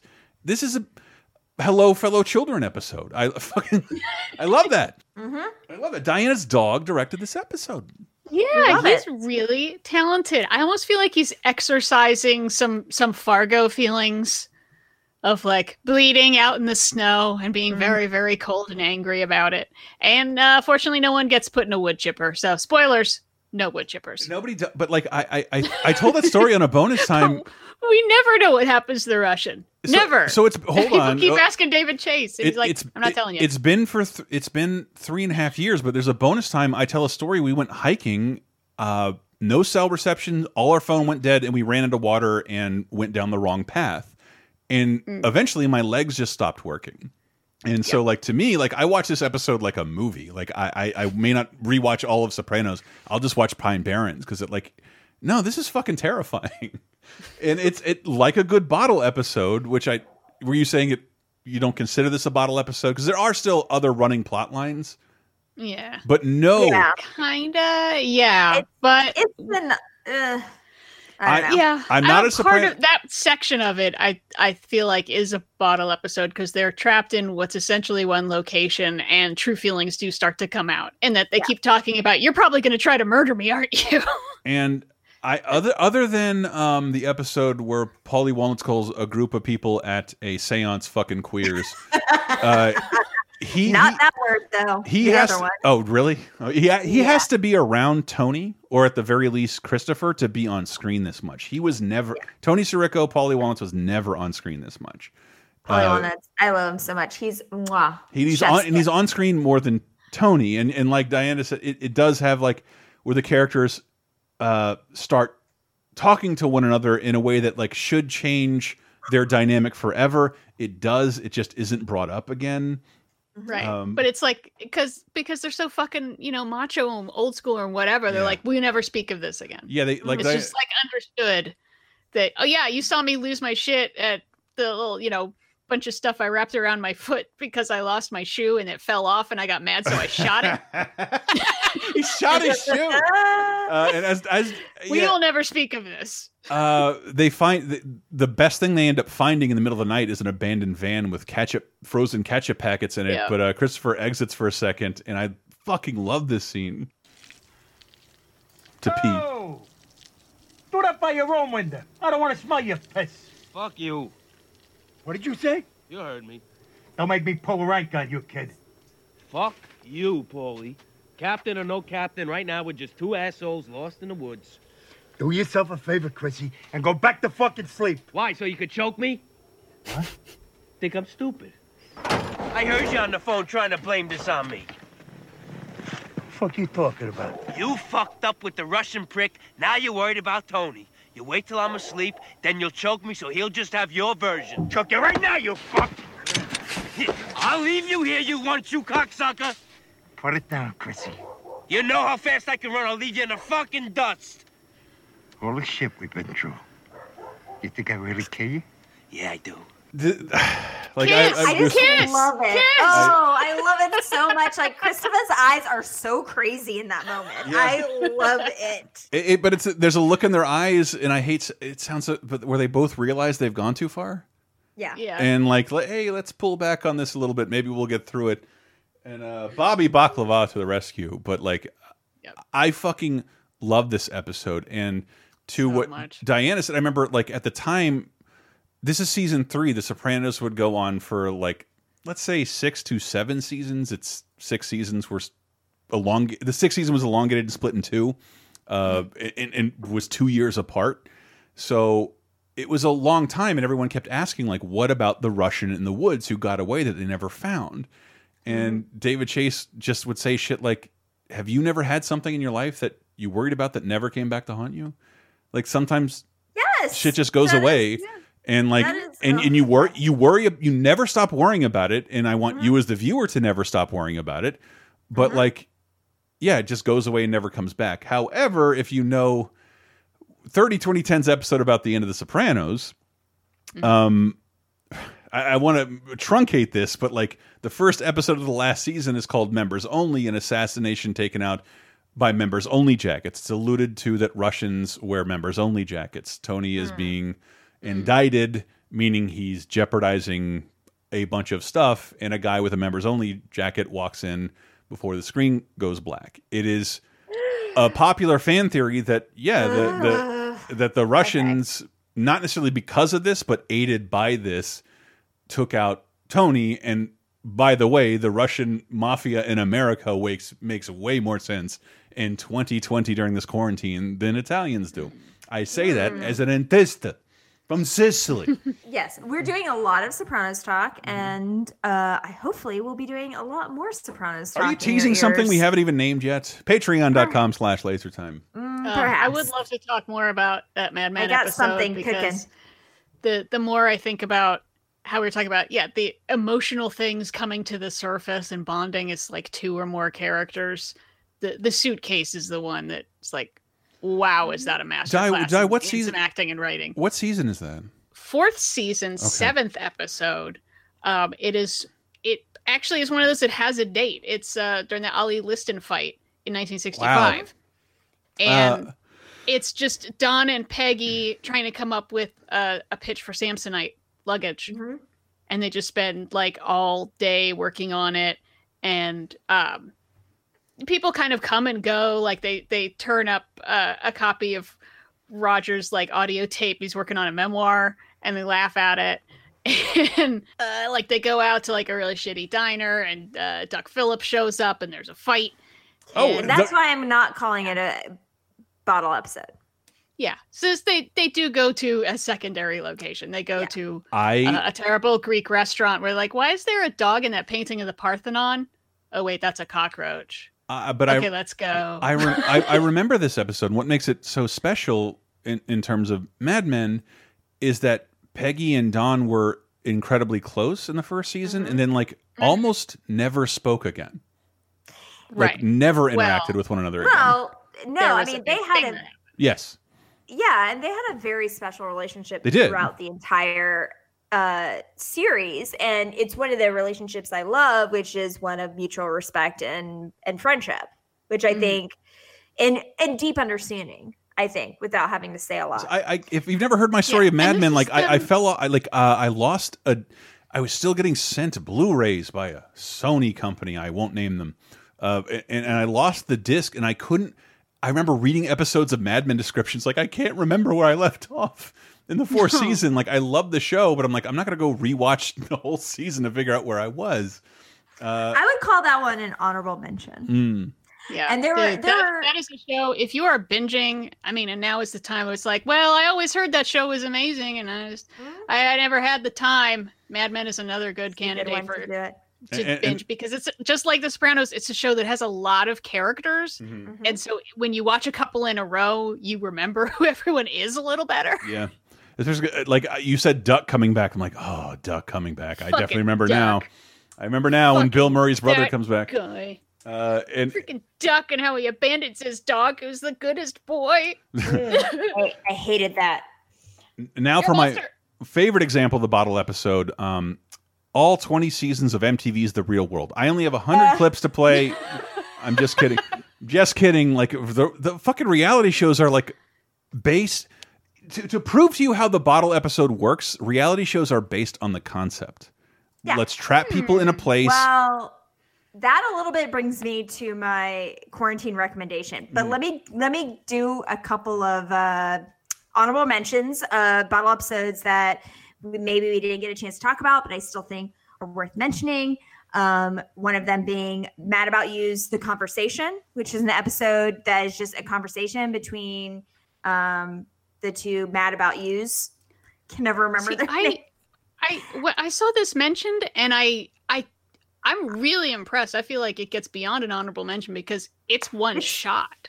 It is fantastic, Yeah. and I, I only, I'm only giving it an honorable mention because I've only seen it once when it aired. I have never seen it again because Mad About Yous notoriously has not been like available for anyone to watch recently. Um, but it is a conversation between you got to subscribe to sinclair broadcast they have the weirdest exclusive thing ever where like this isn't available in my territory what am i supposed to do how am i not supposed to feel mad about you the whole episode is a conversation between Paul and Jamie, uh, the married couple who they just had a baby and they're sleep training their baby. And they're trying to get their baby to sleep through the night, which is a thing that I know a lot of new parents have to go through. And it's very, very terrible. And it is a conversation between two of them about parenting, about life, about everything they're going through. And it has gotten very high marks as one of the best bottle episodes of all time. The only reason I have not put it out there as one for us to discuss because I've only I only saw it the one time that it came on um, when it was actually on. Um, but I also want to throw out there Leslie and Ron from Parks and Rec, which was a Very good. great bottle episode from the last season um, after the time jump where uh, Leslie and Ron are in some sort of fight, and Leslie cannot figure out why they have been fighting for so long and why they weren't talking anymore. And she forces Ron basically, or their friends force them into a situation where they're stuck inside the office and they're trying to work it out and trying to figure out what's going on. It's very, very good. And I just love, you know, I- I just wanna- that I love friendship and I love everything about like I love any I feel like too much is put on the you know romantic relationships. I love explorations of friendship and I think that this is a really great one. Um Girls has had two really great bottle episodes. First one being um, Another Man's Trash where she uh spends an entire day with Patrick Wilson in his That shit is amazing. I love that episode. Fantastic. Such a great episode. Second one, episode, uh, bottle episode of theirs that was so good. I think was in the last season. It's called American Bitch, um, where she goes to interview an author who's played by the guy who plays the main character of the Americans. I cannot remember that guy's name, the actor's name. Keri Russell. Um, that guy. Yeah, that guy. And he is like a famous writer and and is like he is a famous writer who like mm, is sexually not great and they have an ongoing conversation. It's very very good. Um so those are my honorable mentions. Oh, also one last one. I'm sorry. There's also a very great episode of Masters of Sex, which is the uh, television program about About me, uh, thank you very much. uh, sure, but also about Kinsey, the Kinsey studies, and um, or I'm sorry, not Kinsey. Excuse me, Masters and Johnson. I get my sex studies confused. Sorry, guys. They made the Um, No More Tear shampoo. No. Yes. yeah. Sorry. Not quite. Um, mainly studied human sexuality, and there's a fantastic bottle episode of theirs called Fight, which is about uh, Masters and Johnson, the two researchers fighting it out in a hotel room, and it gets erotic. Ooh. Uh, I love how sex research does that to people. I wonder why. I know. I, I remember showing. I remember It just get boring. showing a girl from fucking freshman year of college what porn looked like on the internet, and it was research, but it still ended in sex All right, let's because not talk- eventually you're gonna you can't stop thinking about it. And how do you I was re- about to say, how let's do you not talk about the origins of our friendship, but then oh, it took a turn. how do you how do you it. research sex when you're young? It's impossible, is what I'm saying. And I want to throw this out there, and I, I I'm aware of how this sounds, but I um Horace and Pete is a really interesting bottle series. But if uh, Louis C.K. is too big of a turnoff for you, there is one episode where Laurie Metcalf delivers a story to camera, and that's the whole episode. And and Laurie Metcalf to me is uh, her and George Costanza are the greatest people in television nobody celebrates. Uh, they should have agree, their own agree. sitcom. Uh, they are they're the greatest side characters in all of history, and Laurie Metcalf is fucking wonderful. And if you've never seen it, it's the seventh episode, and all it is is Laurie Metcalf emoting and talking for ha for about twenty minutes, and and it's it's astonishing. And and, and I'm not even telling so you who good. she is because that's important to the series. And one of the people on that series is uh, none other than Alan Alda, and you can't get to bottle episodes without talking about Mash. I'm dating a, a girl who's a little younger than me, and she's introducing me to Mash. Mash has, because of what we talked about, has bottle episodes every 10 episodes or so. Yeah. I, I chose to watch the show Hawkeye because it's centered like uh, Hawkeye injures his knee and has to stay with Koreans uh, for an entire episode. There are no other cast members. It's just him in a Korean hut. And I'm like, oh, this should be revelatory. And I'm like, uh, he'll learn some things about the Koreans. Instead, all I learned was A, Korea looks a lot like Southern California. and, and B, uh, Alan Alda just like vamps. Like, you guys ever seen The King and I? It's amazing. It's tremendous. You should totally see it. The other guy's like this, "Ah," and like it's just him acting through the roof. And then apparently, Comrade in Arms is the Mash bottle episode.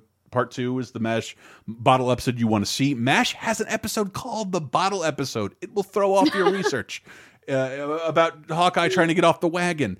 But like, uh, Mash is I avoided MASH as a little kid like the fucking plague, and like I'm semi discovering it now. I I was aware of how cool it is. It is more subversive than it gets credit for to to make a show that's totally is and it is so one thing it's one of those shows i love because they have to have guest actors in all the time Mm-hmm. that you will see so many people like five years before they break yep where it's like oh we brought in this wounded soldier and he's really sad nurse could you talk to him is that patrick swayze is he like one oh my god he's like a fetus We, we've we've been living under this wonderful administration for a couple years that just got more people killed than the entire Vietnam War. But uh, uh, some people like them and some people don't. We don't have a show criticizing them, whereas the '70s did, and that's crazy to me. Like you have a number one We don't sitcom have a fictional show. We don't. But we don't. Like and even like steve carell's space force is like fucking feels like eons away. We only have screenshots of it. And, and like i don't know. Like when i watch mash like jesus he's like he's calling out the president but he means nixon th this whole Mhm. time. And like it, i don't know. Like it's really really fun to watch. And of course it's all on hulu because guess what? That's another disney acquisition. Disney owns two hawkeyes Oh Wow. Now, my my last question in Remash though is does it have the laugh track as an option or can you get rid of it? uh i don't Ooh, good question. No, because when I, when we were watching, they Si- they made that as an option on the DVDs that they they had to compromise with the network that they're allowed to have a laugh track everywhere except for the operating room. Whenever there's operations Wow. going on, there's no laugh track. Oh my God, I and then love when it that. finally came out on DVD, they had an option where you can just get rid of the fucking laugh track once and for all. dude, the, one of the It makes God, it so that much should- better. That should be an option on every. it should be. And I feel like later seasons they finally just drop it, and it's so much better. The funniest thing um, I have on on original DVD is Chris Elliott's Get a Life, Mhm. and you could choose to watch it with no laugh track because they're on the DVD. Like they made us put this laugh track here, and so like when you hear someone laugh, you're like, please remember that is a stone cold Union. I've seen everything, and that dude laughed at this joke. That's a good joke. like, Not to mention They- half they the laugh, gaffers. yeah, when laugh you, the when you half yeah the when you hear when you hear you when when you hear a people. when you hear a best boy laugh, you know you made a good joke. yeah. All right. Look, just- to wrap. Sorry. Mm-hmm. Go ahead. Oh no, I was gonna just wrap gonna say up. half the last laugh tracks that you hear on anything are dead people. That they are laugh tracks from very old sitcoms that have been the great sweetened. I wanted to bring us all the way back around that we started talking about Star Trek. Should we also end in space about a show being stuck on a spaceship that has no budget? Yes. Because nerds will yell at us if we don't talk about Firefly. Oh, sorry. I it, this is really hard for me to to get a. this is really hard for me to get a clip of because it it is. This is my favorite episode of the show. Period. Yes. It, it doesn't. It, it's not because it's a bottle episode. It's because of everything it does, and it's also because if you're out there and you don't know why Nathan Fillion is someone everyone wants to fuck, uh, you really need to check out Firefly. And Yep. No matter what your orientation is, man. If my husband disappeared for a couple days and came back and said I was with Nathan Fillion, I'd be like, "Tell me more." So the Good plot on the ya. plot of this episode is that uh, a combustor, an anti-combustor, has combusted on the ship Serenity, the thing that they're floating around in, uh, in space. Firefly, blah blah blah, Western space, uh, and is injured Zoe, and uh, Zoe, the captain's partner and friend for multiple years, his oldest friend on the ship. And here's a little clip of Nathan Fillion being wonderful next to Alan Tudyk's. You'll never guess how he got that name. But Serenity's not moving. I know it. Which is why we need to suss out what it was happened so we can get her going again, right? Think you can do that? Yes, Captain. That's a good girl. Come on, baby. I mean, you're strong. Strongest person I ever met. You could do this. She gonna make it? Please, I need to work. Wash. Wash, I need you on the bridge. So he's hurt. And the doctor is gonna do everything he can. Meantime, I gotta have you on the bridge. We need to know how bad it is. How bad? It's bad, okay, sir? My wife may be dying here, so my feeling is it's pretty damn bad. Wash. I'm not leaving her side, Mal. Don't ask me again. I wasn't asking. I was telling.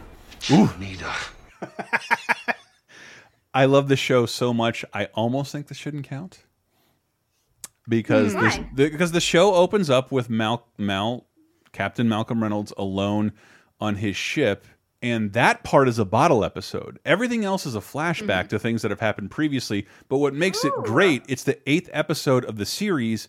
The, the story of Firefly is complicated, but it had two pilots, but none of them introduce more than three cast members. Whereas this episode introduces the origins of every cast member That's true. That is a good in- point. including the fucking ship. So like, uh, and it's the eighth fucking episode. And because I haven't been able to say this on a podcast yet, Disney, you might not know this, but you own Firefly. Not only do you own Firefly, but you owe Joss Whedon a favor, uh, and and you owe him a favor, and you have a streaming service with a sci-fi show that airs eight episodes a year, maybe more, with actors who are cheaper uh, it should be Firefly. Firefly is fucking excellent. Trying to find a clip from this almost derailed when we recorded because all I want to do is watch Firefly now. But it, it starts out with Malcolm alone wanting to have his friends back. It flashes back to why he's alone. He sent the whole crew. The the ship is disabled. They're in, in deep deep space. He's like both of you fly out in two directions. I will put it I will stay here and put out a distress signal and let you know if anybody answers it and you can come back. But please try and find help where you can. He's invaded by pirates, shot in the stomach, left to die, crawling around his own ship alone, flashing back to how he met the friends he just saved. And Mhm. it, it's it's kind of a 15 years ago masterclass in what television would become. Uh, Joss Whedon, I can see whatever you think about him now, like that dude was a genius and really helped push forward the entire medium of television. And and Agree. Firefly Out of Gas is just astonishing. It it might be my favorite episode of the show. Um, but especially because Alan Tudyk's in a mustache. Right at right after he threw him up against the wall, saying, "I'm not asking you, I'm telling you." They flash back to him wearing the brightest Hawaiian shirt and the biggest mustache, and how they met him. And Yeah. it, it's it's wonderful pacing and it's serialization. Firefly is the shit. There's 16 episodes, a great movie. It's flawless all the way through, mm-hmm, except for the two the two first episodes.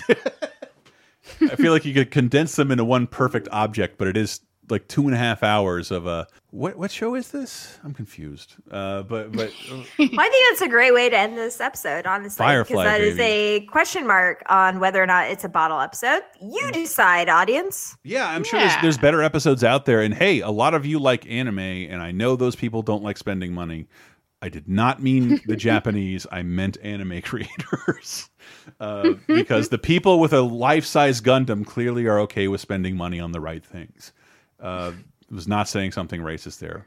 Feel free to laugh more to make me less uncomfortable. But uh, thank you. Thank you. Uh,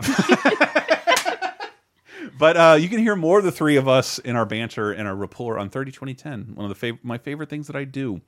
Uh, yeah, every single goddamn week. I cannot believe I got to talk about the origin of the Space Invaders characters in my room. Uh, that- Yeah. that, was that was absolutely awful. that movie. Trying to watch that again. I also had a hard time watching Gladiator recently, and um, my my my lady friends I told me I wasn't wrong. I refuse. Diana was almost with me on that, weren't you? Like, uh, What? No, I I went for Gladiator again. I'm like, all right, let's do this. yeah. let's, if it, let's if, it, if it wasn't your favorite before, it's not going to win you over. All right. Well, yeah. let we're veering into 30 2010 talk, but let me just say this as a little hinty hint. If you are rewatching Gladiator, then I think you also need to rewatch a major movie from next week, which is called A Center Stage. Ew. No. The Neve Campbell movie? No, Oh. you're thinking of the company. Evidently. Like, I don't know. I don't know how you have this kind of access to my brain. But uh, right. thir- 30 2010, where we just, uh, we celebrate the anniversaries of video games, music, TV, video, and movies. Uh, 30, 20, and 10 years ago. I am running out of steam here. Uh, as sick of Star Wars, we have a. I think we have over seven hours of content right now, but we've only talked about two films. yeah. Um, uh, uh, it, it is some of the most fun I've ever had in that it is not restrained and I am the awful person I try and keep from people on these shows. Uh, over on Patreon, I'm pedantic, I'm awful, I'm cruel, I'm mean, I'm rude to my friends because Star Wars does something weird to white boys, and Mhm. and uh, that's it's a whole show real. about that that should uh, laugh at my pain and enjoy the Schadenfreude. It shouldn't make you feel worse about it, but it's a perfectly fine uh, robe and robe and light sword movie. Uh, but but anyway, we have that over there. We have bonus time. We have a new episode of 30 2010 games. Diana, people can find you on Twitter.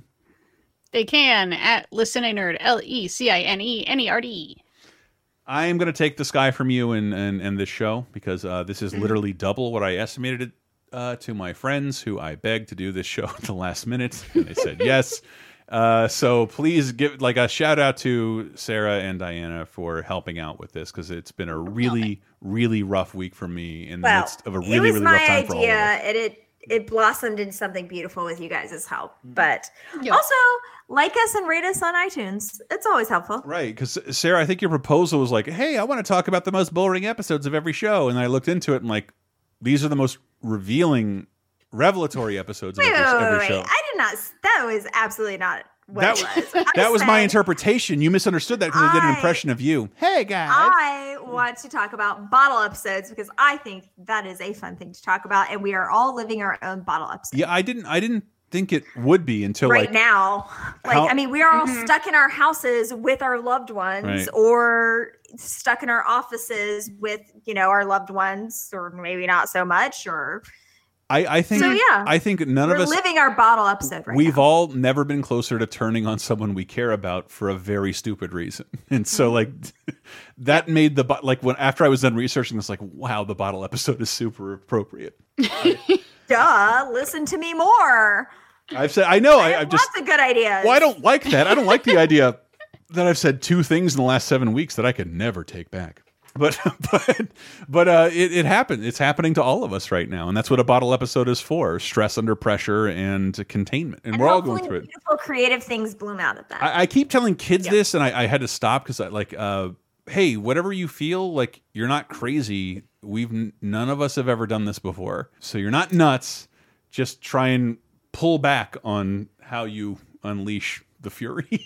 what I find to be very helpful is that I have a what my body is just settled into a every three day cry routine. For every three days, I do some crying. every It three, helps. every three days, she gets in a Power Wheels outside that she can't drive and just cries, cries, cries.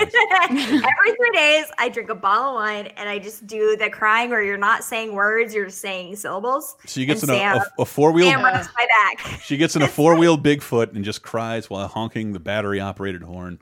Do, do you do the hyperventilating crying? So it's like, no,